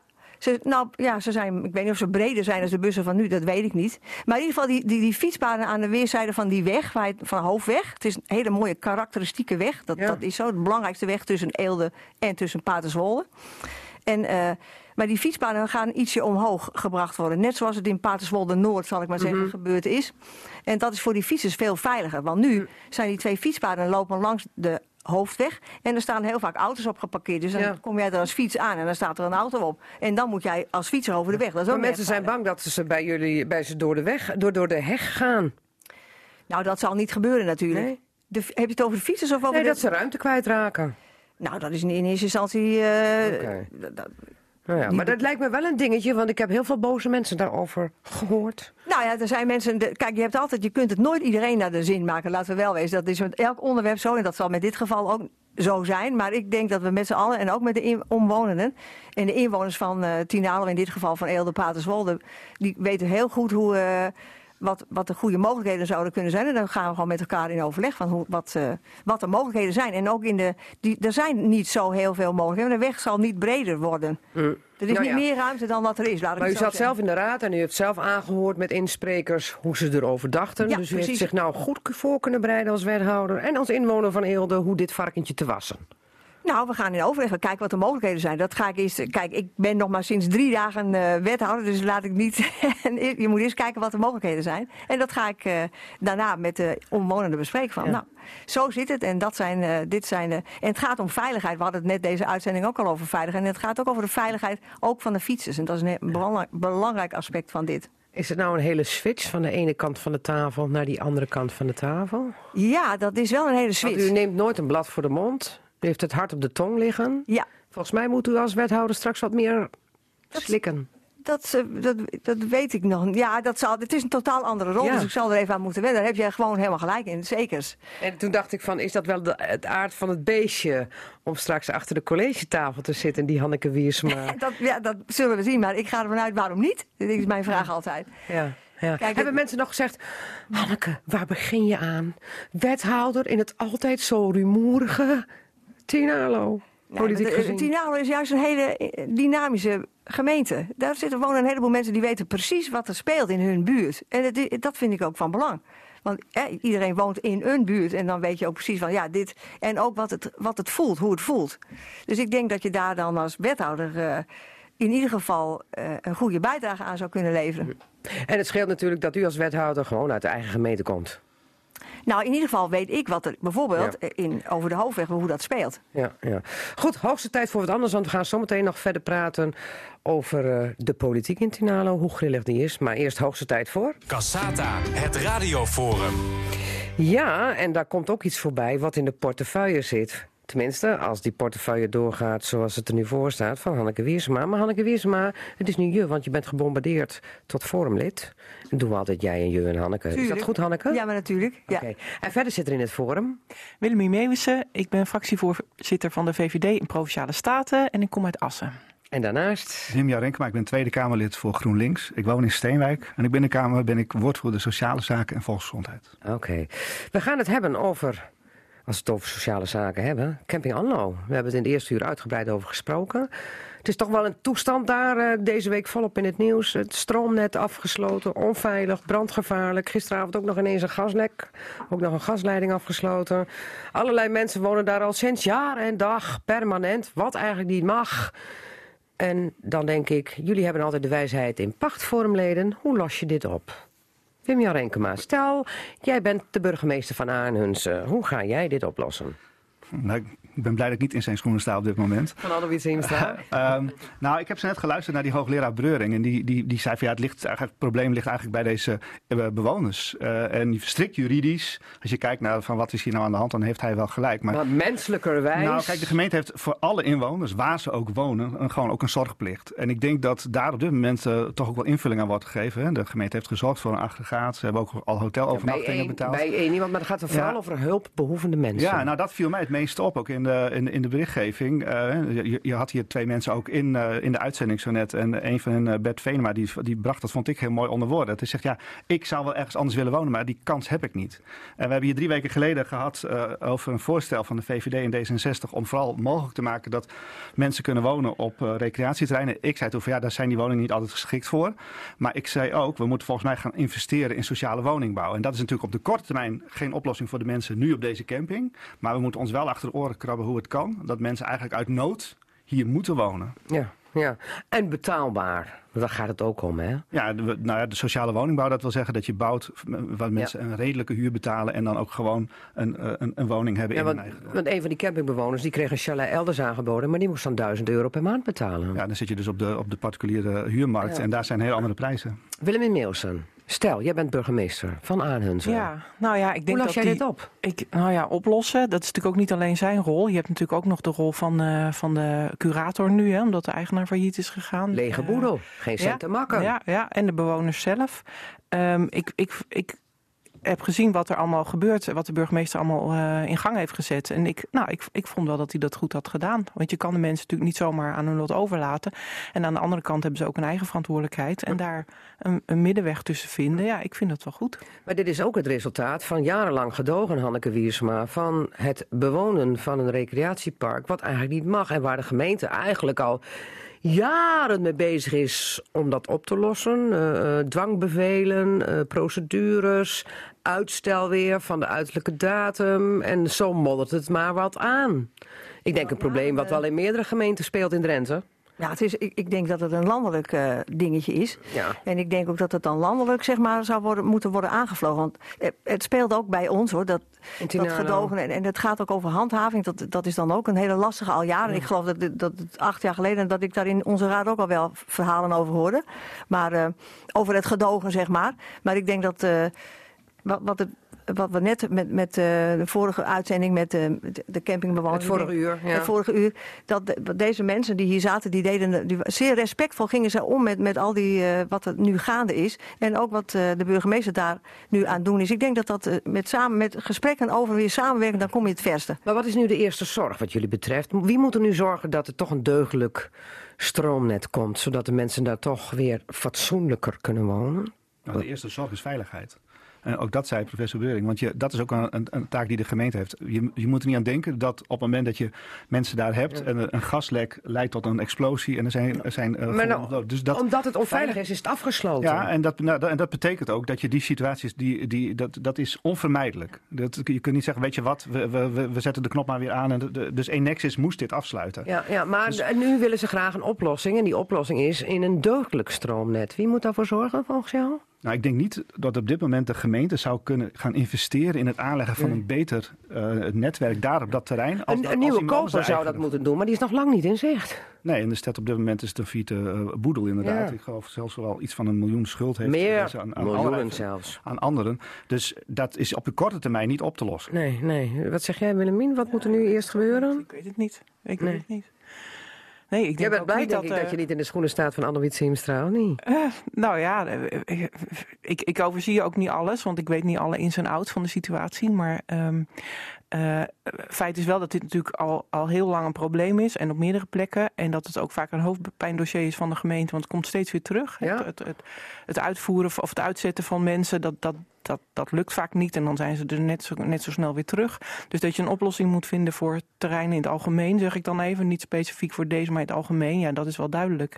En dat het huidige beleid dan onvoldoende is, is ook wel duidelijk. Ja, ja. Wat zeg Ja, jij? ik, ik denk ook dat, nou, wat mij wel opviel ook is dat het gaat ook om voor een, voor een deel om mensen die door schuldenproblematiek, eh, een scheiding, Er verlies zit van alles. werk- Mensen met PTSS. Ja, en, eh, eh, ook ook, ook gewoon oudjes die daar gewoon hun hele Ja. leven al of, la- 30, 40 jaar zitten. Nou, ouderen met, met een scootmobiel. Mensen die dus eigenlijk ook, als je het hebt over de gemeente, ook gewoon recht hebben op goede ondersteuning door die gemeente. En de- de- Mensen nu hebben daar ook zelf voor gekozen, hè? want ze hadden ook een ander, iets anders kunnen kiezen. Het is niet per se dat ze daar moesten gaan zitten, maar die, dit is een plek waar ze het naar hun zin hebben. Ze hebben hun, Ja. hun, hun, hun huis helemaal opgebouwd, uitgebouwd, ingericht zoals ze het zelf willen. Wonen daar met veel Complete plezier. chalets met alles erop en aan, met eigen Nou, grond. lijkt- en Ja. de veiligheid is een issue, uiteraard. Het moet veilig zijn. Maar voor de rest denk je, ja, dat op het- zich is dat prima. Het is volgens mij best wel divers, mensen die op zo'n eh, park wonen. Maar als ik het verhaal van Bert Venema hoorde, die zegt van... ik had mezelf niet voorgenomen om, om in een chaletje te gaan wonen. En ik denk dat die situaties, die vindt... De, de- de- dat, dat is, op dit moment is, is deze ook even een vindplaats voor de gemeente... van mensen die behoorlijke problematiek hebben. Dus ik denk dat je daar ook veel aan, aan kan doen als gemeente. En die, die ruimte heeft de gemeente ook. Ja, ja. Er is geen andere plek. Er is geen andere herberg, zeg ik dan. Dus ja, ze moeten daar wel Maar dat is dus een heel trieste constatering. Vandaar dat ik zeg, wel, er moet de komende jaren, en niet alleen hier, maar dit is, dat is wel echt landelijk beleid, worden geïnvesteerd in veel sociale woningbouw. Ja, ja, en dat willen sociale eh, eh, woningbouwverenigingen ook. Alleen die kunnen dan weer een tijdje niet bouwen vanwege allerlei andere problematiek, zoals stikstof, PFAS. Daar- hier kunnen we wel een uur over praten. Nou ja, dat is ook ja, zeker. Dat, dat, Ja. dat klopt. Ja. Waar wij ook wel een uur over kunnen praten is vliegveld Eelde. Groningen Airport Eelde. Gisteravond kwam er een brief naar de gemeenteraden van de aandeelhouders. De gemeente Groningen, de provincie Groningen, gemeente Assen, provincie Drenthe en de gemeente Tinalo, Ja. die nog voor 4% aandeelhouder is. Het is niet best met vliegveld Eelde, want voor dit jaar is er een tekort geraamd van 1,3 miljoen euro. De aandeelhouders, de vijf stuks, die willen ook niet dat er 3,5 miljoen in een nieuwe brandweerkazerne wordt gestoken. Wat maar elk jaar weer opschuift en waarvan de gemeente Tinalo zegt... zo kan het niet langer, het is onveilig, er moet een nieuwe brandweerkazerne. Hanneke die knikt instemmend ja. Nee, nee, zeggen de aandeelhouders, wij weten niet of het wel zo nodig is... want het is financieel een drama. We willen een toekomstplan voor de komende vier jaar. Geen enkel scenario uitgesloten. Ook niet het scenario niet meer dat 46 miljoen kostende plan doorzetten. Stoppen ermee. Hoe kijk jij daarnaar, Wim Ja, Renkema? we hebben het er eh, heel vaak over hier. En ik denk dat dat eh, wel... Het is een kolfje naar GroenLinks een handje. Nou, nee, dat weet ik niet. Ik bedoel, ik vind het zelf heel opmerkelijk dat er dan weer een nieuwe directeur komt. Dan weer een nieuw vierjarenplan. eh dan weer nieuwe belofte dat het allemaal anders wordt. Terwijl je eigenlijk ziet dat het structureel is het niet rendabel te krijgen, dit vliegveld. Dus structureel moet je er geld in stoppen als aandeelhouder, Nou, we hebben vor- vorig jaar zijn er 50.000 eh 50.000 passagiers minder gaan vliegen. En waarom? Omdat dan weer een lijn wordt opgeheven. Mhm. Wat ons betreft is het heel helder. De aandeelhouders die zouden moeten zeggen van we, dit project gaan we stoppen. Eh, dat vliegveld mag wat ons betreft dicht. Dat betekent dat er geen belastinggeld meer gaat. Want dat is nu gewoon belastinggeld van de provincie en van die gemeente die je noemde. Het is geld van inwoners. Dat gaat naar een failliete, failliet vliegveld. Er zit een kiezen nu GroenLinks voor het spoor. gedeputeerde in het college van GS... die zich heeft gecommitteerd aan het plan toegangspoort van het noorden. Ja, kijk, de, de, wij leveren een gedeputeerde aan, een- aan, aan de provincie. Daar zijn we overigens heel trots op. Ja. Eh, dit, Maar? zit, dit, dit zit niet in zijn portefeuille, maar ik wil even heel helder maken dat GroenLinks altijd heeft gezegd, wat ons betreft kan dat vliegveld dicht. En eh, zo, gauw, zo gauw die kans komt, moet je dat doen. Dit is het En moment, dat- zeg jij, Ja, nu? ik- ik- als, je, in, als je zou moeten investeren, terwijl je weet dat er een te- tekort is van anderhalf miljoen, een normale aandeelhouder bij de een komende jaren bedrijf, ook nog die zou tekorten zeggen van, erbij? Ik stop hiermee, want dit is, dit is een, een bodemloze put. Dat, is, dat is dit vliegveld. Willemien Meeuwsen, kom er maar in. Ja, nou ja, we zitten nu in een lastige periode, want er is veel onduidelijkheid. Dus dat maakt het ook lastig om, om goede plannen te maken. We weten niet hoe het gaat met, met Lelystad bijvoorbeeld. Eh, de luchtvaartnota, die is er nog niet. En De nationale luchtvaartnota Precies, en daar- daar met het staat ook in verdelen welke- van de luchtruimte. ja, welke plek krijgt Eelde daar nu in? En ehm, nou, wij hopen natuurlijk dat hij daar een stevigere plek in krijgt, maar die is er nog niet. Waarschijnlijk deze zomer. Ehm, de luchtvaartbelasting, de stikstofperikelen. Het zijn allemaal dingen waar, waarop nu dat het heel lastig is om, om nieuwe plannen te maken, om nieuwe investeringen te doen, om nieuwe eh, eh, zaken neer te zetten. Dus het is gewoon nu even heel lastig. Eh, dus er is ook wel gezegd van nou voor dit jaar is de, het tekort wordt aanvaard eh, hè, door de aandeelhouders. We, we gaan wel dit jaar verder, maar we willen dat, dat we goed gaan kijken van wat zijn dan de mogelijkheden binnen de, binnen de situatie. Ja, maar zoals de provincie is. Is aandeelhouder. Eh, Ja. Jij bent statenfractievoorzitter van de VVD. En je bent altijd een groot voorstander van Vliegveld Eelde. Ja. Maar als je nu kijkt naar de huidige situatie... en ook wat de aandeelhouders nu massaal willen... namelijk een plan voor de komende vier jaar, alle scenario's. Ook de stekker eruit. Nou ja, het, is, het is goed om alle scenario's voor ogen te hebben. Ehm, eh, het is gewoon hartstikke lastig nu vanwege al die onzekerheden. Maar is het volgens Eh, jou denkbaar dat het van- scenario wordt gekozen... Kappen ermee, we gaan niet meer die 46 miljoen... want daar is al Ik hoop het 15,5 niet. miljoen van ik ingestoken. Hoop, ik hoop dat we daar niet voor hoeven te kiezen. Dat hoop ik niet. Ik hoop dat er nog mogelijkheden zijn om de, om de eh, luchthaven verder eh, uit te bouwen. Ehm, en ja, dat je nu even zegt van nou, we doen nu niet hele grote investeringen als ze niet echt nodig zijn. Ja, dat vind ik dan wel slim. Ik snap dat je niet En helemaal dat blij die- wordt van die brief. Ik eh. ben daar niet blij mee. Ik had natuurlijk liever een jubelbrief gehad. Maar ja, eh, ja dat zat er nou even niet in. Maar ja, dat gejubel is al jaren niet meer zo over Vliegveld is- Eelde. Ja, ja, ja, maar we hebben met elkaar gezegd, nou, we willen het echt proberen.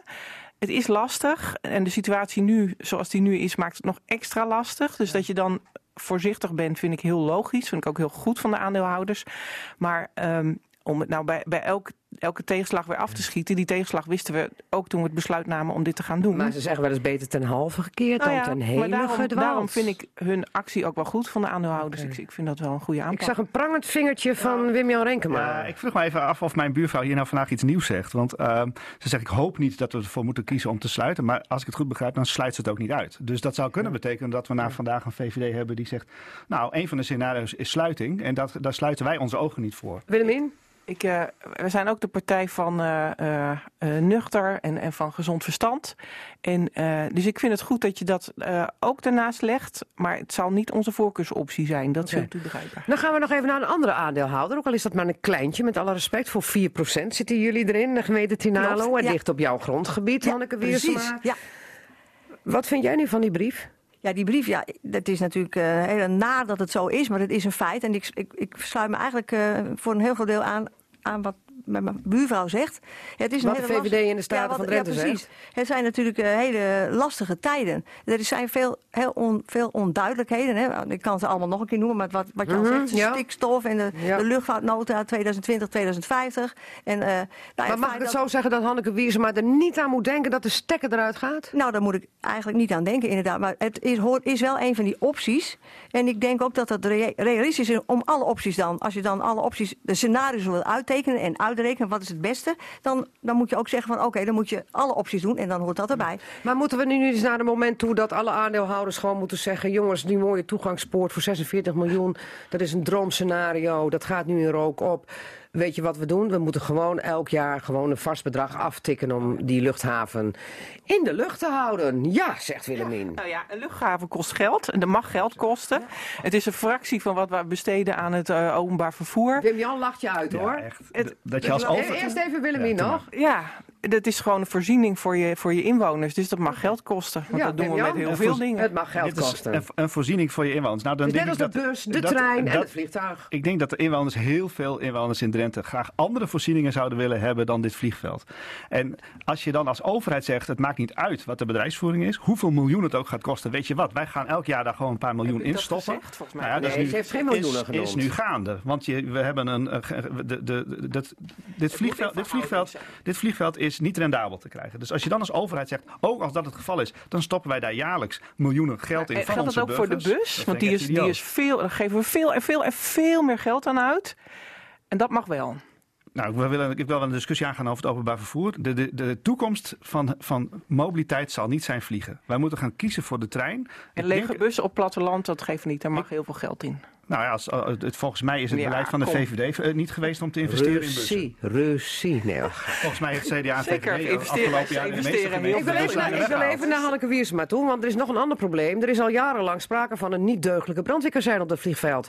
Dat Eh, klopt. daarvan heeft de gemeente, de burgemeester al eens geroepen... ik kan niet langer wachten, er moet nu een besluit worden genomen. In de brief staat, de aandeelhouder zegt... van, nou, wij gaan daar nu niet over besluiten... want eh, gezien de penibele financiële situatie... gaan we geen 3,5 miljoen in eh, die kazerne steken. Wat zeg jij dan als wethouder? Nou, er zijn natuurlijk meerdere zaken op zo'n vliegveld. De, he- de traumaheli is er en er wordt gevlogen met kleinere vliegtuigen. En Er zijn dagelijks. eh, dus ik denk wel dat het van belang is dat die brandweerkazerne veilig is. We hebben het weer over veiligheid, maar dat is echt een, een ding, vind ik. Ja, en dat is al een paar keer naar voren geschoven. Het is al heel vaak naar voren geschoven. Dat zou, kijk, ik zit nog met drie dagen op een stoel van een wethouder, dus ik ga niet voor mijn Nee, beurt dan moet jij je niet elke keer achter Nou, verschuilen, wel, Hanneke. nog wel even, nog wel even. Maar ik zou denken, even als veiligheid, eh, dat is ons aller stokpaardje. En dat is hier ook aan de orde. Want je wilt toch wel dat als de vliegtuigen landen en stijgen, dat dat veilig is. Dat hebben de aandeelhouders ook gezegd. Hè? We, we hebben meer informatie nodig. En als daaruit blijkt dat het echt nodig is voor de veiligheid, dan gaan we dat doen. Dat is al uitgezegd. Zijn jullie ook zo benieuwd wie die gegadigd is voor de aandelen die de Nou. gemeente Groningen eh, gaat Ja, verkopen? Ik wel. Ik geloof het helemaal niet dat iemand überhaupt die aandelen wil, maar goed. Nou, ik ben zeer benieuwd. Ik, ik las Ja. het ook. eh, maar ik, Wat ik, zeggen de eh, wandelgangen, Hanneke? ja, de- ik heb er niks over gehoord, net als ik. We zijn benieuwd. Ja, wat zeg Ik weet het jij? niet. Ik weet Nee? niet. Hoe je hoort geen namen? Nee. Want wie zou nou aandelen in een vliegveld willen hebben waar elke keer miljoenen in moeten?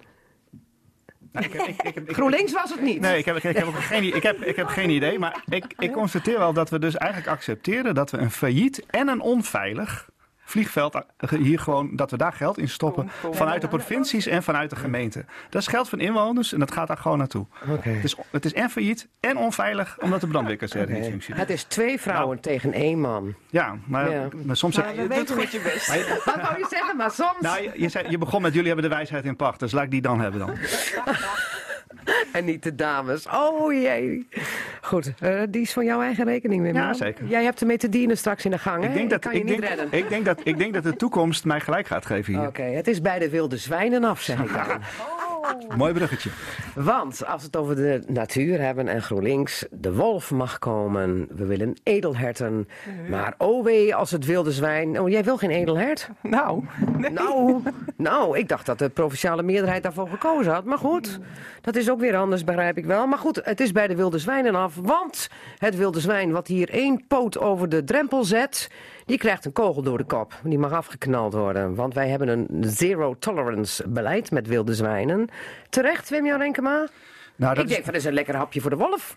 Op, op dit moment heeft de provincie inderdaad eh, gezegd... wij willen eigenlijk hier geen wilde zijn hebben. Dat heet dan zogenaamd de nullijn. Dus zo gauw er een wild zijn is, dan ma- mag dat worden geschoten. En ze zijn er stiekem wel. Eh, er zijn er eh, waarschijnlijk een, een klein aantal, we weten het niet precies. Ehm, wat ons betreft zou die nullijn, dat, zou, dat, dat, dat vinden we niet nodig. We zouden best wel een aantal wilde zwijnen kunnen toestaan in deze provincie. Dat wil, wil zeg maar ook de fractie van GroenLinks in de provinciale staten wel. Maar wij houden ons op dit moment gewoon aan het huidige beleid. En dat is inderdaad een nullijn. Ja.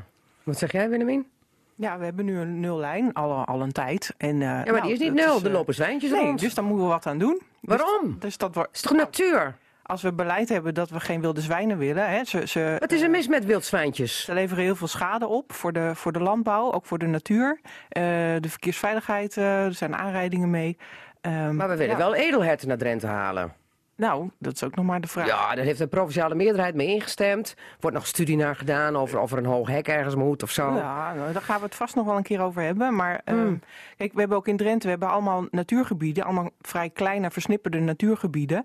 Eh, dat is helemaal niet geschikt voor, voor een wild zwijn. hè. Dat kan je misschien op de Veluwe doen, maar hier kan dat helemaal niet. Dus Maar de Veluwe- op de Veluwe wordt het te druk en dan tippelt zo'n zwijntje richting Ja. Drenthe. Ja. En dan Nou zegt ja. Drenthe, hallo, welkom, bang! Dan leggen we een ecoduct aan en dan staan we aan de overkant. Ja. ja. En dan staat de jager met zijn jachtgeweer klaar en die knalt hem voor de harsers. Ja. Ja, ik vind maar- het wel zi- niet zo lachen, Hanneke. Ik vind het best zielig. Ja, nou ja, maar zoals jij het beschrijft, dan. Het Nou, is ook een nee, beetje het is- bewust. Ik chargeer natuurlijk. Kijk, als het gaat over versnipperde natuur, dan kiezen wij ervoor om die natuurterreinen juist aan elkaar te koppelen. Dat zou ook een mogelijkheid zijn voor inderdaad grotere wild om zich te vestigen. En daar is niks mis mee. Maar dan wordt er dan eh, geschermd met de Afrikaanse pest. Dan denk ik, nou, die wilde zwijnen die hier naartoe tippelen... die komen van de Veluwe en niet uit Afrika. Nee, maar die komen wel uit, uit- nou ja, ook uit, uit België. Daar hebben ze, heb je die pest al, dus dat wordt steeds doorgegeven. Mhm. Dus dat, dat, dan lopen we hier ook risico. Dus dat is een extra reden om, om nu eh, strenger te handhaven. Maar dit is toch apart dat ze dan in Drenthe niet welkom zijn... vanwege de Afrikaanse pest en de Veluwe de krioelte van. Daar, en, waar, daar wordt het dan niet over gebracht. Ik snap hem niet helemaal. Nou, die Afrikaanse eh, varkenspest is echt een groot risico, ook Ja. voor varkenshouders. Dat zegt ook iets over trouwens onze intensieve varkenshouderij. Maar op dit moment is die in Polen is, die, is dat al een probleem aan het eh, worden. Dus in Duitsland is men echt al behoorlijk beducht op de komst van die ziekte. Mm. En eh, alleen die is op dit moment is dat nog niet aan de orde. Dus Nee. dan vind ik dat je daar ook niet al op vooruit kunt lopen door te zeggen dat is het argument om nu nog meer te gaan jagen. Hanneke, als jij er eentje ziet in de gemeente Tinalo... ga je dan gelijk de jager bellen? Ja, er ik loopt weet- hier eentje. Nou, ik heb er trouwens nog nooit één gezien. Dus wat dat betreft, eh, ik heb nog nooit een wild zwijn gezien. Dus al helemaal niet in het wild. Maar ik denk de argumenten die genoemd zijn, die zijn eh, wat mij betreft eh, oké. De, de nullijn aanhouden. En, eh, Maar de boeren die willen ze ook niet hebben, want ze vreten Nee. de mais op. En, nee, dus eh, ik denk dat dat, dat, wel een, dat een goede richting is. Ja, maar zijn we niet met twee maten aan het meten? De wolf die vreet schapen op, die bijt ze dood. Dat mag dan wel en daar is dan een faunabeheerfonds voor. Dan wordt ik schade uitgekeerd. Nou, wat zou, wat mij betreft zouden we daar ook andere afspraken over mogen maken. Maar, Oh. eh, Oh. maar dat eh, kan helaas niet. Ze willen wolven jagen. ja. Nou, we, hebben, het- we hebben volgens mij het landelijke wolvenplan inmiddels. En Ja. het gaat om, om, om een heel klein aantal. Dus ik denk niet dat dat nou het grootste probleem is. Oké, maar in Drenthe gaat het toch ook over een klein aantal zwijntjes? Ja, en daarom is het ook niet zo'n groot probleem wat mij betreft. En dan heeft de wolf toch ook wat? Als hier een kijk, als je hier een, een, een, ecosysteem, heet dat zo mooi, hè? Als je een, een heel groot gebied zou hebben waarin je en het wilde zwijn en de wolf een plek zou geven, ja, dan zou, dan, dan zou dat kunnen. En dan kan Dan houdt het toch dat lekker kan in evenwicht? Ja, alleen dat is denk ik op dit moment, Een gezien, gezien, gezien zeg maar, onze huidige inrichting van Drenthe, is dat een utopie. Oké, goed. Eh, eh, ehm, om, om, om toch ook nog met een ander gevaar even te dealen, het coronavirus. Zijn we daar al bang voor? Jij, Hanneke? Nee, op dit moment niet. Nee. Zie je ook nog niet met een mondkapje hier Nee, zitten? nee, nee. Dat, ik heb inmiddels begrepen dat die ook niet echt eh, afdoende zijn. Maar ik ben een leek op dat gebied. Dus Zou ik, jij nu naar China vliegen? Nou, nee. Oké. Jij, Willemien? Ehm, nee, dat denk ik ook niet. En misschien niet eens voor dat virus, maar wel voor al het gedoe wat er nu is, eromheen is. Want ja, dat, dat wil je niet. En wat zeg jij, William? Nou, ik was deze week even op Schiphol, eh, voor de helderheid niet om te vliegen. Oh, bijna betrapt. Maar daar zijn eigenlijk toch wel heel wat mensen met mondkapjes eh, rondlopen. En ik denk dat het zeg maar, internationaal begint het wel een crisis te worden. De Wereldgezondheidsorganisatie heeft gezegd van nou, dit, is begint, dus, dit is echt gevaarlijk. Eh, wij worden als Kamerleden aanstaande dinsdag eh, uit de commissie Volksgezondheid ook bijgepraat door het RIVM van welke maatregelen zijn er al genomen en worden genomen. Wat voor scenario's hebben we klaar Ja, liggen. want onze buitenlandse minister vindt een negatief reisadvies voor China niet nodig. Terwijl Japan dat doet, Amerika dat doet. Dan denk ik, waarom niet? Ja, ik vond het ook wel opmerkelijk. Maar we gaan in ieder geval dinsdag ga ik goed luisteren naar welke scenario's er klaar liggen. En ik heb eerlijk gezegd alle vertrouwen in het RIVM, het Rijksinstituut voor Volksgezondheid en Milieuhygiëne, dat zij goed kunnen inschatten hoe gevaarlijk het voor ons is en wat er dan moet gebeuren. Maar laten we vooral geen paniek zaaien, wordt er Nou, daar sluit ik me ook wel bij aan, want het RIVM, daar heb ik inderdaad ook heel veel vertrouwen in. En je ziet bij andere landen wel, waar veel meer een, een, een claimcultuur heerst, dat ze daar alle, alle eh, risico's willen uitsluiten en daardoor we van die paniekmaatregelen treffen. En gelukkig is dat in Nederland niet zo. Oké. Goed vormleden, dank voor uw eh, wijsheid. Nou ja, wie de wijsheid dan in pacht heeft, dat moet nog blijken. Gaan we het nog Of over het nou. Wim-Jan Renkema is, Willem Meeuwsen of Hanneke Biersma. In ieder geval bedankt voor jullie inbreng in het radioforum. Radio Drenthe. Cassata. Radio Drenthe. En dan moet ik er nog even bij zeggen, en ook nog roodharig. Dus eh, dat was een mooi type in ieder geval, die Kate Pearson. Goed, heel wat anders, eenzaamheid. Dat is een eh, zeer actueel thema onder zowel oud, maar ook jong. En de Peer Group maakt daar een theatervoorstelling over... en reist daarmee de komende week langs Drentse verzorgingshuizen... in Klazineveen, Emmen en Assen. En dramaturge Dinanda Luttekhedde, die eh, wil daarmee een verhaal vertellen... en iets teweeg brengen. Gezien de actualiteit, welkom trouwens in Casata. Ja, dankjewel. Het is een actueel thema. Eh, ja, ik denk dat eenzaamheid eigenlijk iets is van alle tijden. Hè? Dat het iets is wat bij de mens hoort. Eh, wat we misschien ook allemaal wel kennen in meerdere mate of mindere mate. Maar ehm, onder invloed van de huidige tijds- tijdsgeest lijkt het eigenlijk meer voor te komen. In ieder geval, zo wordt het vaak in de pers beschreven. Eh, of gehyped misschien soms. Hè? Van, hè, het is nu ook onder jongeren heel erg actueel. Ja, En- er was laatst een documentaire over op televisie Ja, zelfs. Dat ik ja. ook dacht, eenzame jongeren. ja, Terwijl we altijd eigenlijk het idee hebben dat, dat als het over eenzaamheid gaat, dat het over ouderen gaat. Ja, dat wordt snel gedacht. Maar ik denk ook de hele generatie die ertussenin zit, heeft er net zo goed mee te maken. Hè. Dat is gewoon iets wat bij het leven hoort. Maar eh, de gedachte, zeg maar, dat eh, wij steeds meer eigenlijk in groepen uiteengezet worden in onze maatschappij. Hè. Dus de ouderen wonen met elkaar in een huis. De jongeren zitten allemaal op school. eh, misschien na, na schoolse opvang. Maar, ehm, dus hoe erg ehm, zijn we nog met elkaar verbonden? Eh, en binnen dit eh, idee eigenlijk om iets met eenzaamheid te doen, wilden we ook ehm, nou, kijken van waar zit er dan mogelijk een oplossing. Hè? En dan, je kan het alleen maar eh, het probleem benoemen. En eh, het pijnpunt aanraken, bewijzen van. Maar je kan ook kijken van oké, wat kunnen we nou doen? Ook binnen de voorstelling eigenlijk. Eh, om iets bij te dragen aan, aan, ja, aan een, een mogelijk antwoord erop. Dus vandaar dat we een ontmoeting eigenlijk in de voorstelling eh, laten plaatsvinden. Hoe dat er allemaal uit gaat zien en, en hoe jij als dramaturg eh, verder het idee hebt uitgewerkt van het stuk Niemand is hier eenzaam, gaan we zo over praten. Want eerst nog even naar onze speciale tafelgasten van vandaag, Hanneke Wiersma. Want we waren in het vorige uur al aan het uitleggen wie is Hanneke Wiersma eigenlijk. Maar die vertelde toen vol vuur over haar ja, 30 jaar eh, directeurschap van een muziekschool als eh, pianoacademie, eh, piano-academie moet ik zeggen. En al die leerlingen die ze heeft opgeleid. Maar Hanneke Wiersma is ook nog moeder. Vertel, wie is Hanneke Wiersma nog meer behalve dan die directeur van die muziekschool Ja, die nu gesloten is? Ja, ik ben moeder van drie zoons. Ik heb drie zoons, ben getrouwd met Dick Jager. En die drie zoons, de oudste is 44, woonachtig in Rotterdam. En eh, de tweede die is 42, of die wordt 42 zal ik maar zeggen. En de derde is 37. Ik heb ook nog twee kleinzoons. Eén woont in Rotterdam en één in Utrecht. Wat een mannenwereld bij jou Maar ik- thuis. Ik, zit in de mannenwereld en Ja. dat, is, dat bevalt op zich prima. Dus, eh, maar ik heb natuurlijk nu ook schoondochters en dat bevalt ook prima. Oké. Eh, moeten we nog meer weten van Hanneke Wiersma wat belangrijk is in verband met jouw nieuwe functie als wethouder? Nou ja, misschien nog, nog aardig om te noemen. Ik heb na die conservatoriumopleiding nog een filosofie eh, eh, studie gedaan aan de Rijksuniversiteit Groningen. En dat heb ik gebracht tot aan het eh, bachelordiploma. En daarna was ik met een master bezig. Met, daarna werd ik raadslid. Dus toen, de- dat, die studie moet ik nog eens een keer af gaan maken. Hmm. Dus het is, wie niet, eh, dus het is niet dokter eh, anders geworden? Nee, nee dat, eh, zover is het net niet gekomen, zeg maar. Dus dat, daar zal ik nog een paar stapjes voor moeten zetten, maar wie weet. Heb je de komende jaren geen tijd voor Nee, met de komende het tijd even in niet. Nee, nee, dat wordt het niet. Nee. Want om even bij Tinalo uit te komen, nou was dinsdagavond jouw beëdiging. Ja. En toen was de stemming 11 voor, 8 tegen, 1 blanco. En dan denk ik van, goh, als je te zo met zo'n stemming tot wethouder benoemd moet worden. Wat raar. Mm, Ja, Of is dat echt des Tinalo's? Nou ja, dat, dat misschien wel. Misschien zou je dat kunnen. Typisch Tinalo, zo zeggen we zelf. Oh ja, typisch Tinalo. Oppositie tegenover Ja, eh, collegepartijen. weet, zo, zo zou je het kunnen zeggen. Misschien is het zo. Ik, ik weet ook niet wie dan tegen gestemd heeft. En ik weet natuurlijk ook niet waarom. En ik vind het ook eh, geen probleem. Het moet kunnen. En wie weet ga ik het nog wel eens Ah, maar dat weet je toch zelf ook wel dat het de oppositie is die tegen jou stemt? Want hoeveel stemmen heeft de oppositie in totaal? Eentje was er niet, hè? De Casper Kloos van de coalitiepartij van Nee, er Libertinale waren was er niet. coalitieleden niet. Dus de, de oppositie was eh, volgens mij compleet. Moet ik even denken. Dus eh, acht. Ja, maar eh, ja, Ja. Maar precies. Maar ik denk De voltallige oppositie heeft dus tegengestemd. Ja, dat zou je kunnen zeggen. En wie, wie stemt er dan blanco? Is het dan een foutje of eh, was je Ik dat zelf? nee, dat zou ik niet weten. Dat, Want er was nog een discussie, want jij stond ook zelf op de stemlijst. Heb je nou ook zelf gestemd? Ja, zeker. En wat heb je gestemd? Ik heb ja gestemd. Dat, wat is dat nou?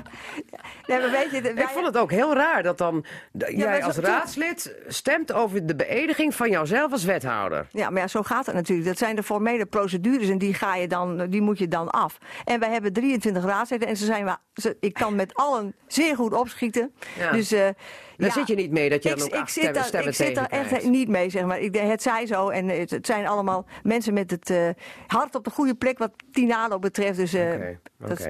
Is misschien straks het wethouderschap ook een eenzaam bestaan? Soms, want als je in de shit zit, moet je het zelf oplossen. Dat zou kunnen, maar ik denk niet dat het een eenzaam bestaan is. eh, lijkt mij niet. Ik heb nu, ben nu drie dagen eh, op het gemeentehuis geweest. Het was bepaald geen eenzaam bestaan. Dus het is eh, een dynamisch geheel wat dat Goed. betreft. Ik wens je veel plezier met al die dynamiek, die creativiteit en vooral veel sterkte en wijsheid in Tinalo. Maar toch gaan we het over die eenzaamheid hebben. En dat heeft alles te maken met het stuk van de peer group, waarmee jullie zeg als een soort rondreizend circus langs verzorgingstehuizen gaan. Want jullie gaan naar Klesineveen, naar Emmen en naar Assen. Want het is niet zo dat de theatervoorstelling op één locatie is of buiten ergens, maar jullie zoeken de verzorgingstehuizen op. Hoe zit dat, eh, Dinanda? Uh, ja, Peergroep die staat uh, natuurlijk bekend om het locatietheater. Ja, maar dan wel vaak op ehm, een, op een vaste plek. Eh, ja, nou, je kan het eigenlijk op twee manieren benaderen, denk ik. Hè. Je, je gaat naar een plek toe en je begint daar te zoeken. Met, hè, wat speelt daar? Is er iets wat gezegd moet worden of wat niet gezien mag worden? Of is er ooit iets gebeurd wat interessant is om te vertellen? Liefst trek je naar de actualiteit natuurlijk. Zoals Jack Vermaning daar in Ja, Hogesmeelde ja, op een- de vindplaats van ehm, zijn prehistorische fondsen die achteraf vals bleken te zijn voor een natuurlijk deel. Iets, iets dan ga je daar, dan ga je daar het stuk neerzetten. En ook niet ergens anders. Nee, Daar ga je nee. niet mee rondreizen. Maar ehm, ja, eenzaamheid is een veel universele thema. En eh, daarbij past natuurlijk heel erg mooi een, eh, een eh, situatie als een verzorgingshuis als uitgangspunt. met een hoge drempel voor jongeren. Dus wij wilden heel graag de jongeren eigenlijk daar naartoe halen. Ehm, dus je, je maakt het wel op één plek. En dat, dat kost ook tijd en investering en vertrouwen natuurlijk hè, van het huis en medewerking. Dus we hebben zes weken lang eigenlijk in, in Haren. Eh, in het kader van het Jonge Hartenfestival de voorstelling eh, ontwikkeld. En, eh, ja, en dan ligt er eigenlijk gewoon een prachtige voorstelling die je op ja, elk verzorgingshuis wat daarvoor geschikt is kan spelen. Want wie doen er mee? Want het is dus jong en oud. Ja, ja. Het is een Nou, mix. we- het, het is een mix inderdaad. Eh, in principe hebben we één professionele acteur. Dat is de basis. En daarmee hebben we eigenlijk een, een kring van, van tien eh, bijrolspelers. Hè, dus mensen die een rol spelen, eh, maar die niet echt live tekst hebben. En dat zijn deels mensen uit het huis. En dat zijn deels mensen die uit de achterban van de peergroep Dus komen. wacht even, mensen, bewoners van het huis waar jullie staan. Ja, Die ja. vormen het decor. Ja, wij willen eigenlijk gewoon dat het leven in het huis gewoon doorgaat. Dus je zit in het restaurant. Hè, dus dat is wel een beetje het vertrekpunt van als het een heel klein huis is, dan past het gewoon niet. Want we hebben een groot speelveld nodig. Dus dat is gewoon de ontmoetingsruimte, het restaurant van een, nou ja, een relatief groot verzorgingshuis.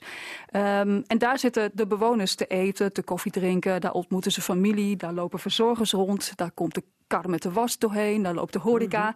En eigenlijk dat hele schouwspel, waar, eh, als je daar woont, dan besteed je daar weinig aandacht aan. Maar als je dat niet kent, eh, en zeker voor jongeren die natuurlijk daar, als ze daar niet familie hebben, niet zo snel komen, dan, dan heb je ook echt even een uur de tijd om eens rustig te kijken van hé, wat voor wereld is dat nou eigenlijk? En hé, hey, het leven gaat hier ook gewoon door. Want het is de bedoeling dat ook scholen daar naartoe Ja. gaan met jeugd. Ja, uiteindelijk. eh, Want er komt een- even tribune te staan. Hoe- ja, hoe moet de ik dat basis zien? van het concept is dat daar eh 60 mensen de voorstelling kunnen bekijken per eh, speelbeurt. En dat daar de helft eh, afkomstig is uit het huis. Dus het, het mooiste is als er zoveel mogelijk bewoners zijn. Maar het kunnen ook de mantelzorgers zijn, hè, die natuurlijk een band hebben met de bewoners. En eh, soms zelf ook al dezelfde leeftijd hebben, maar wel nog heel erg fit vaak. Eh, en het kan ook personeel zijn wat, eh, eh, wat gaat kijken. Dus dat zijn 30 mensen die uit het netwerk van het huis komen. En de andere 30, dat is een schoolklas. En op die manier ontstaat er dus eigenlijk letterlijk echt een ontmoeting van 30 jonge mensen. hè, Jongeren, 14, 15, 16. eh, van allerlei opleidingniveaus eigenlijk, of en richtingen. Eh, dus het is mooi als de school in de buurt van het huis staat, zodat je die lokale verbinding versterkt. Ja. En die gaan samen dus ook echt de voorstelling bekijken. En die worden ook echt aan elkaar gekoppeld, de jongeren en de, en de bewoners of eh, Oké. ouderen. En de voorstelling eh, duurt ongeveer drie kwartier, maar geïntegreerd eigenlijk in, in de voorstelling, in de dramaturgie, eh, is er ook een ontmoeting op het einde. Eh, waarbij je dus echt uitgenodigd wordt om nog even met elkaar aan een tafeltje na te praten. En dat wordt ook ondersteund, zeg maar, door wat eh, handreiking die wij daarvoor doen. En dat blijkt eigenlijk heel erg. eh, ja, heel erg goed te gaan. Hè. Je bent dan heel snel bang van, oh, die jongeren die weten niet hoe ze ermee om moeten gaan. Of voor de mensen die er wonen, wordt het dan niet een soort van te ongemakkelijk. En ja, soms hè, is er wat ongemak natuurlijk, maar dat is oké. en dat moet je denk ik goed begeleiden. Maar eh, ja, de ervaring heeft geleerd dat het eigenlijk eh, heel goed werkt. En dat, dat het voor heel veel mensen eigenlijk een positieve ervaring is. Want even naar die titel. Niemand is hier eenzaam. Is dat dan de slotconclusie van het stuk? Ja, het, het komt uit een Want het krant- gaat over eenzaamheid. Het gaat ja, over de ontkenning van dat eenzaamheid er zou zijn. Ja? Eh, er heerst een taboe op. Dat weten we allemaal. Het is gewoon niet leuk om te zeggen dat je je eenzaam voelt. Oh, het is net zoals van, eh, oh, niemand wordt hier op school gepest. Zoiets van, of Ja, eh, nee, niemand, is hier school eenzaam. Of in een verzorgingshuis ook. Van nee, we zijn hier allemaal altijd gezellige dingen aan het doen. Niemand is hier eenzaam. Maar als je doorvraagt... Denken ze dan? Letterlijk ook in het an- krantenartikel hè, van een onderzoek van de Rijksuniversiteit. Letterlijk ook van als je doorvraagt... blijkt eigenlijk bijna iedereen die gevoelens te kennen. Maar in eerste instantie wordt dat toch gewoon ja, niet getoond. Omdat het gewoon heel gevoelig ligt. En, ehm, en, en natuurlijk proberen wij ook een bijdrage te leveren aan, aan, aan dit ja, probleem, zou je ja. kunnen zeggen. En, Ja. en hoop je ook dat, eh, dat er niemand meer één hoeft te zijn. In dat ene momentje dat wij die voorstelling daar neerzetten. Ja, moet ik het dan zo zien dat de voorstelling Niemand is hier eenzaam een soort spiegel is die je mensen voorhoudt om te laten zien dat er wel degelijk een probleem is van eenzaamheid en dat je daar iets aan moet doen? Want jullie willen ook iets, ja, iets bewerkstelligen. Ja, ik denk dat, dat theater is een hele mooie manier om eigenlijk een verhaal te vertellen. Eh, en dat is heel- ja, daardoor ook heel herkenbaar eigenlijk. Hè? Dus een mens die vertelt jou een verhaal aan de hand van zijn eigen verhaal... en de verhalen van de mensen die daar om hem heen zitten. En eh, je herkent je vast wel in een van de verhalen of in een stukje van het verhaal. Dus op die manier gaat het ook over jou. Ehm, er is eh, een, een doelgroep uitgenodigd die eigenlijk heel divers is. En die ontmoet elkaar daarna. En dat is misschien een ontmoeting die je normaal gesproken niet zo snel kan krijgen. Die ook een heel, heel ander gevoel bij je kan oproepen. Mhm. En ehm, ja, ik ben even zeg maar de vraag kwijt. Maar ik denk in Nou, ieder je de mensen een spiegel voorhoudt. Eh, ja, ik denk dat je, het, je kan geconfronteerd worden met je eigen gevoel van eenzaamheid. En eh, we hopen ook natuurlijk dat de ontmoeting en de voorstelling, datgene wat aangeraakt wordt, dat het ook gewoon een moment even kan zijn van opluchting. Of, hè, of dat je gezien of gehoord wordt of Ja. even aangeraakt wordt. En eh, ja, dat het dus iets bijdraagt op die manier. Ja, want jullie hebben namelijk als peergroep ook dus drie gemeenten aangezocht. Want jullie spelen, of twee eigenlijk hier in Drenthe. Want gemeente Emmen gaat natuurlijk over het verzorgingshuis in Emmen, maar ook over eh Klezineveen, want dat valt onder de gemeente Emmen. Ja. En wie, wie steunen die voorstelling nog meer dan? Want die voorstelling wordt dan geboekt door het verzorgingshuis en de gemeente en de school. Hoe moet ik dat zien? Mm, Nou ja, wij, wij zijn natuurlijk eh, in eerste instantie gesubsidieerd hè, vanuit Ja. het Fonds Podiumkunsten en eh, met steun van de provincie Drenthe. En eh, wij vragen nog allerlei andere gelden aan bij fondsen om de voorstelling te maken. En als die er is, als product zeg maar, dan kun je hem nog op dit soort locaties spelen in Noord-Nederland. Ehm, ja, daar moet er nog wel geld bij. Dus dan eh, vragen we wel een bijdrage van eh, een gemeente. Eh, en dat varieert natuurlijk in hoeverre die steun er kan zijn. Eh, er zit een bijdrage van de P-groep zelf in. Eh, soms zit er een bijdrage in Mhm. van een verzorgingshuis. Maar, eh, ja, want ik vroeg me af van hoe komt- wordt bepaald waar je naartoe gaat met, met je stuk? Ja, ik, ik ga gewoon op zoek. Dus ik kijk eerst van... eh, Wie wil het hebben? Ja, wie wil het hebben? Dus waar willen wij naartoe? Hè? Waar, waar, ehm, wat is een interessante plek? Eh, waar speelt dit thema? De, bijvoorbeeld de gemeente Emmen die heeft, eh, heeft daar gewoon beleid op, op eenzaamheid, eh, vergrijzing. Dus dat zijn thema's die daar, die daar spelen. En eh dan ga je in gesprek en dan kijk je gewoon, is een gemeente geïnteresseerd om hier iets mee te doen? Om het thema eigenlijk via deze weg onder de aandacht te brengen. eh, om iets met een school te gaan doen, om iets ja, in dat sociaal domein te doen. Ehm, en, ja, en dan ga je eigenlijk gewoon kijken van is er een geschikte speellocatie? Want Ja. dat is natuurlijk ook een voorwaarde. Want je moet daar wel met 60 mensen op een tribune kunnen zitten. Er moet zo'n kantine zijn met heel veel eh, tafeltjes en stoelen. En niet elk huis is daar geschikt voor. En Nee. ook het type bewoner. Hè? Want er zijn heel veel huizen die zeggen van hartstikke leuk. Maar de bewoners die wij hier hebben, die zijn, ehm, ja, die zijn er gewoon niet geschikt voor. Omdat Nee, ze, eh, te dement, te zeg ik dan maar even. Nou ja, ja, even als bijvoorbeeld. concreet je- bent tegenwoordig, ja, voordat je, voordat je in een Ja, verzorgingshuis dement komt. Kan, kan echt een, een belangrijke reden Ja. zijn dat, dat Hmm. dit gewoon niet werkt. Want je Ja. zit daar met een koptelefoon op. Eh, Ja, want leg even uit, hoe gaat de voorstelling in zijn werk? Wat is het in het kort, in een nutshell, het verhaal om nog niet alles weg te geven? Eh, het verhaal is dat je, nou, je krijgt een koptelefoon op. Dus alles wat ver weg is, eh, komt eigenlijk heel dichtbij. En dat maakt ook het dagelijkse leven kan doorgaan. Eh, want wij horen niet alles. Hè? Wij hebben gewoon Dus als toeschouwer krijg je een koptelefoon op. Ja, en je hoort de acteur en je hoort eigenlijk een prachtige muzikale compositie van Jan Kloeg. Eh, dus dat vertelt een eigen verhaal binnen wat je ziet. En eh, het verhaal is eh, het verhaal van Raf, de hoofdpersoon, de acteur zeg maar, hè, die Raf speelt. Ehm, hij is op zijn zeventiende verongelukt. En, maar hij is echt maar altijd in de buurt gebleven van het meisje waar hij destijds verliefd op was. En dat meisje, dat is... Moet ik dan zien dat het een geest is? Het is als het ware een geest. Ja, oké. Ja, niemand ziet hem ook. Eh, behalve wij als publiek. Mhm. En eh, dat meisje waar hij verliefd op was, die is nu 80 en die woont dus in dat verzorgingshuis. Oh, ja. Daar hangt hij nog omheen. En uh, daar zoekt hij eigenlijk nog steeds contact mee. En zo vertelt hij eigenlijk via zijn eigen verhaal uh, wat eenzaamheid voor hem betekent. Het is door, door de schrijver in een, ja, in een nog een meer poëtisch geheel eigenlijk gegoten. Maar dat zal ik allemaal niet weggeven. Het is ook nog romantisch. Ja, het is ook romantisch. En het laat ook zien dat uh, ook de levens van de mensen die daar wonen niet ophouden op dat moment. Want soms wordt het ook gedacht, even, als je daar eens belandt, dan heb je geen leven meer. Maar hè, in ons stuk zit bijvoorbeeld ook nog twee mensen die verliefd op elkaar worden. En die zijn ook op leeftijd. Hè? Dus het laat ook iets zien, denk ik zeker ook aan de jongere doelgroep van... Kijk, daar is nog steeds een leven. Het leven gaat gewoon door, ook al wonen ze daar, weet je wel. En... Maar het is ook heel dubbel, want ondertussen terwijl wij met de koptelefoon zitten te kijken naar het stuk en te luisteren en naar de, de acteur gaat het leven ook gewoon door. Ja. In dat verzorgingstehuis. Ja. Want er zijn ook mensen die er misschien helemaal niks mee te maken hebben en daar gewoon zitten te koffie drinken of Ja. daar de lunch krijgen. Of. Toch? Ja, kijk, we proberen natuurlijk wel iedereen op de hoogte te brengen. Ja. Want anders dan kom je heel raar binnenlopen. En dan, eh, ja, als je niks weet en eh er zit ook een scène in waar je van kan schrikken, dan je moet mensen wel voorbereiden. Ja. En het is ook prettig, zeg maar, voor het publiek als mensen daar niet gewoon frontaal tegenover gaan staan met een telefoon en een foto maken, bij wijze van. Dus Ja. het heeft meerdere redenen dat je eigenlijk het huis goed op de hoogte moet brengen. En eh, dat je ook zelfs achter de schermen gewoon in de gaten moet houden van als er toch iemand bij wijze van een soort verdwaalt op het speelveld, dat je dan toch ook nog, zonder dat iemand het door heeft, kan ingrijpen. Ja. Dus Nou zie ik allemaal- eh, in het speelschema dat de eerste voorstelling eh, is in Klazinaveen, in de Dille.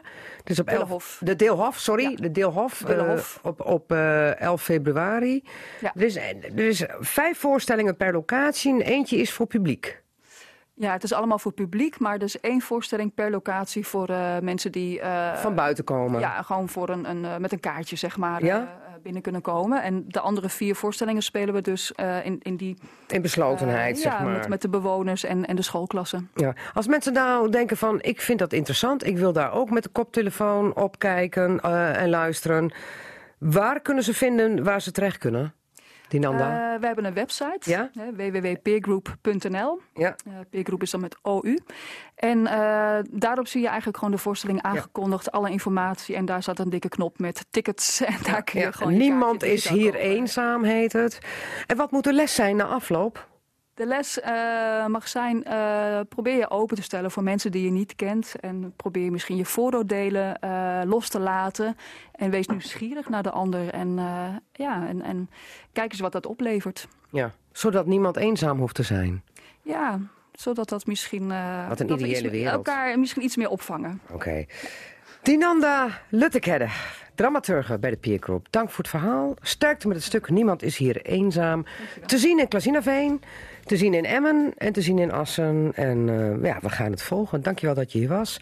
Hanneke Wiersma, succes in Tinalo als kerstvers wethouder. En we gaan het zien hoe het met jou afloopt. Want dit is Casata. Tot volgende week. Fijn weekend. Dag.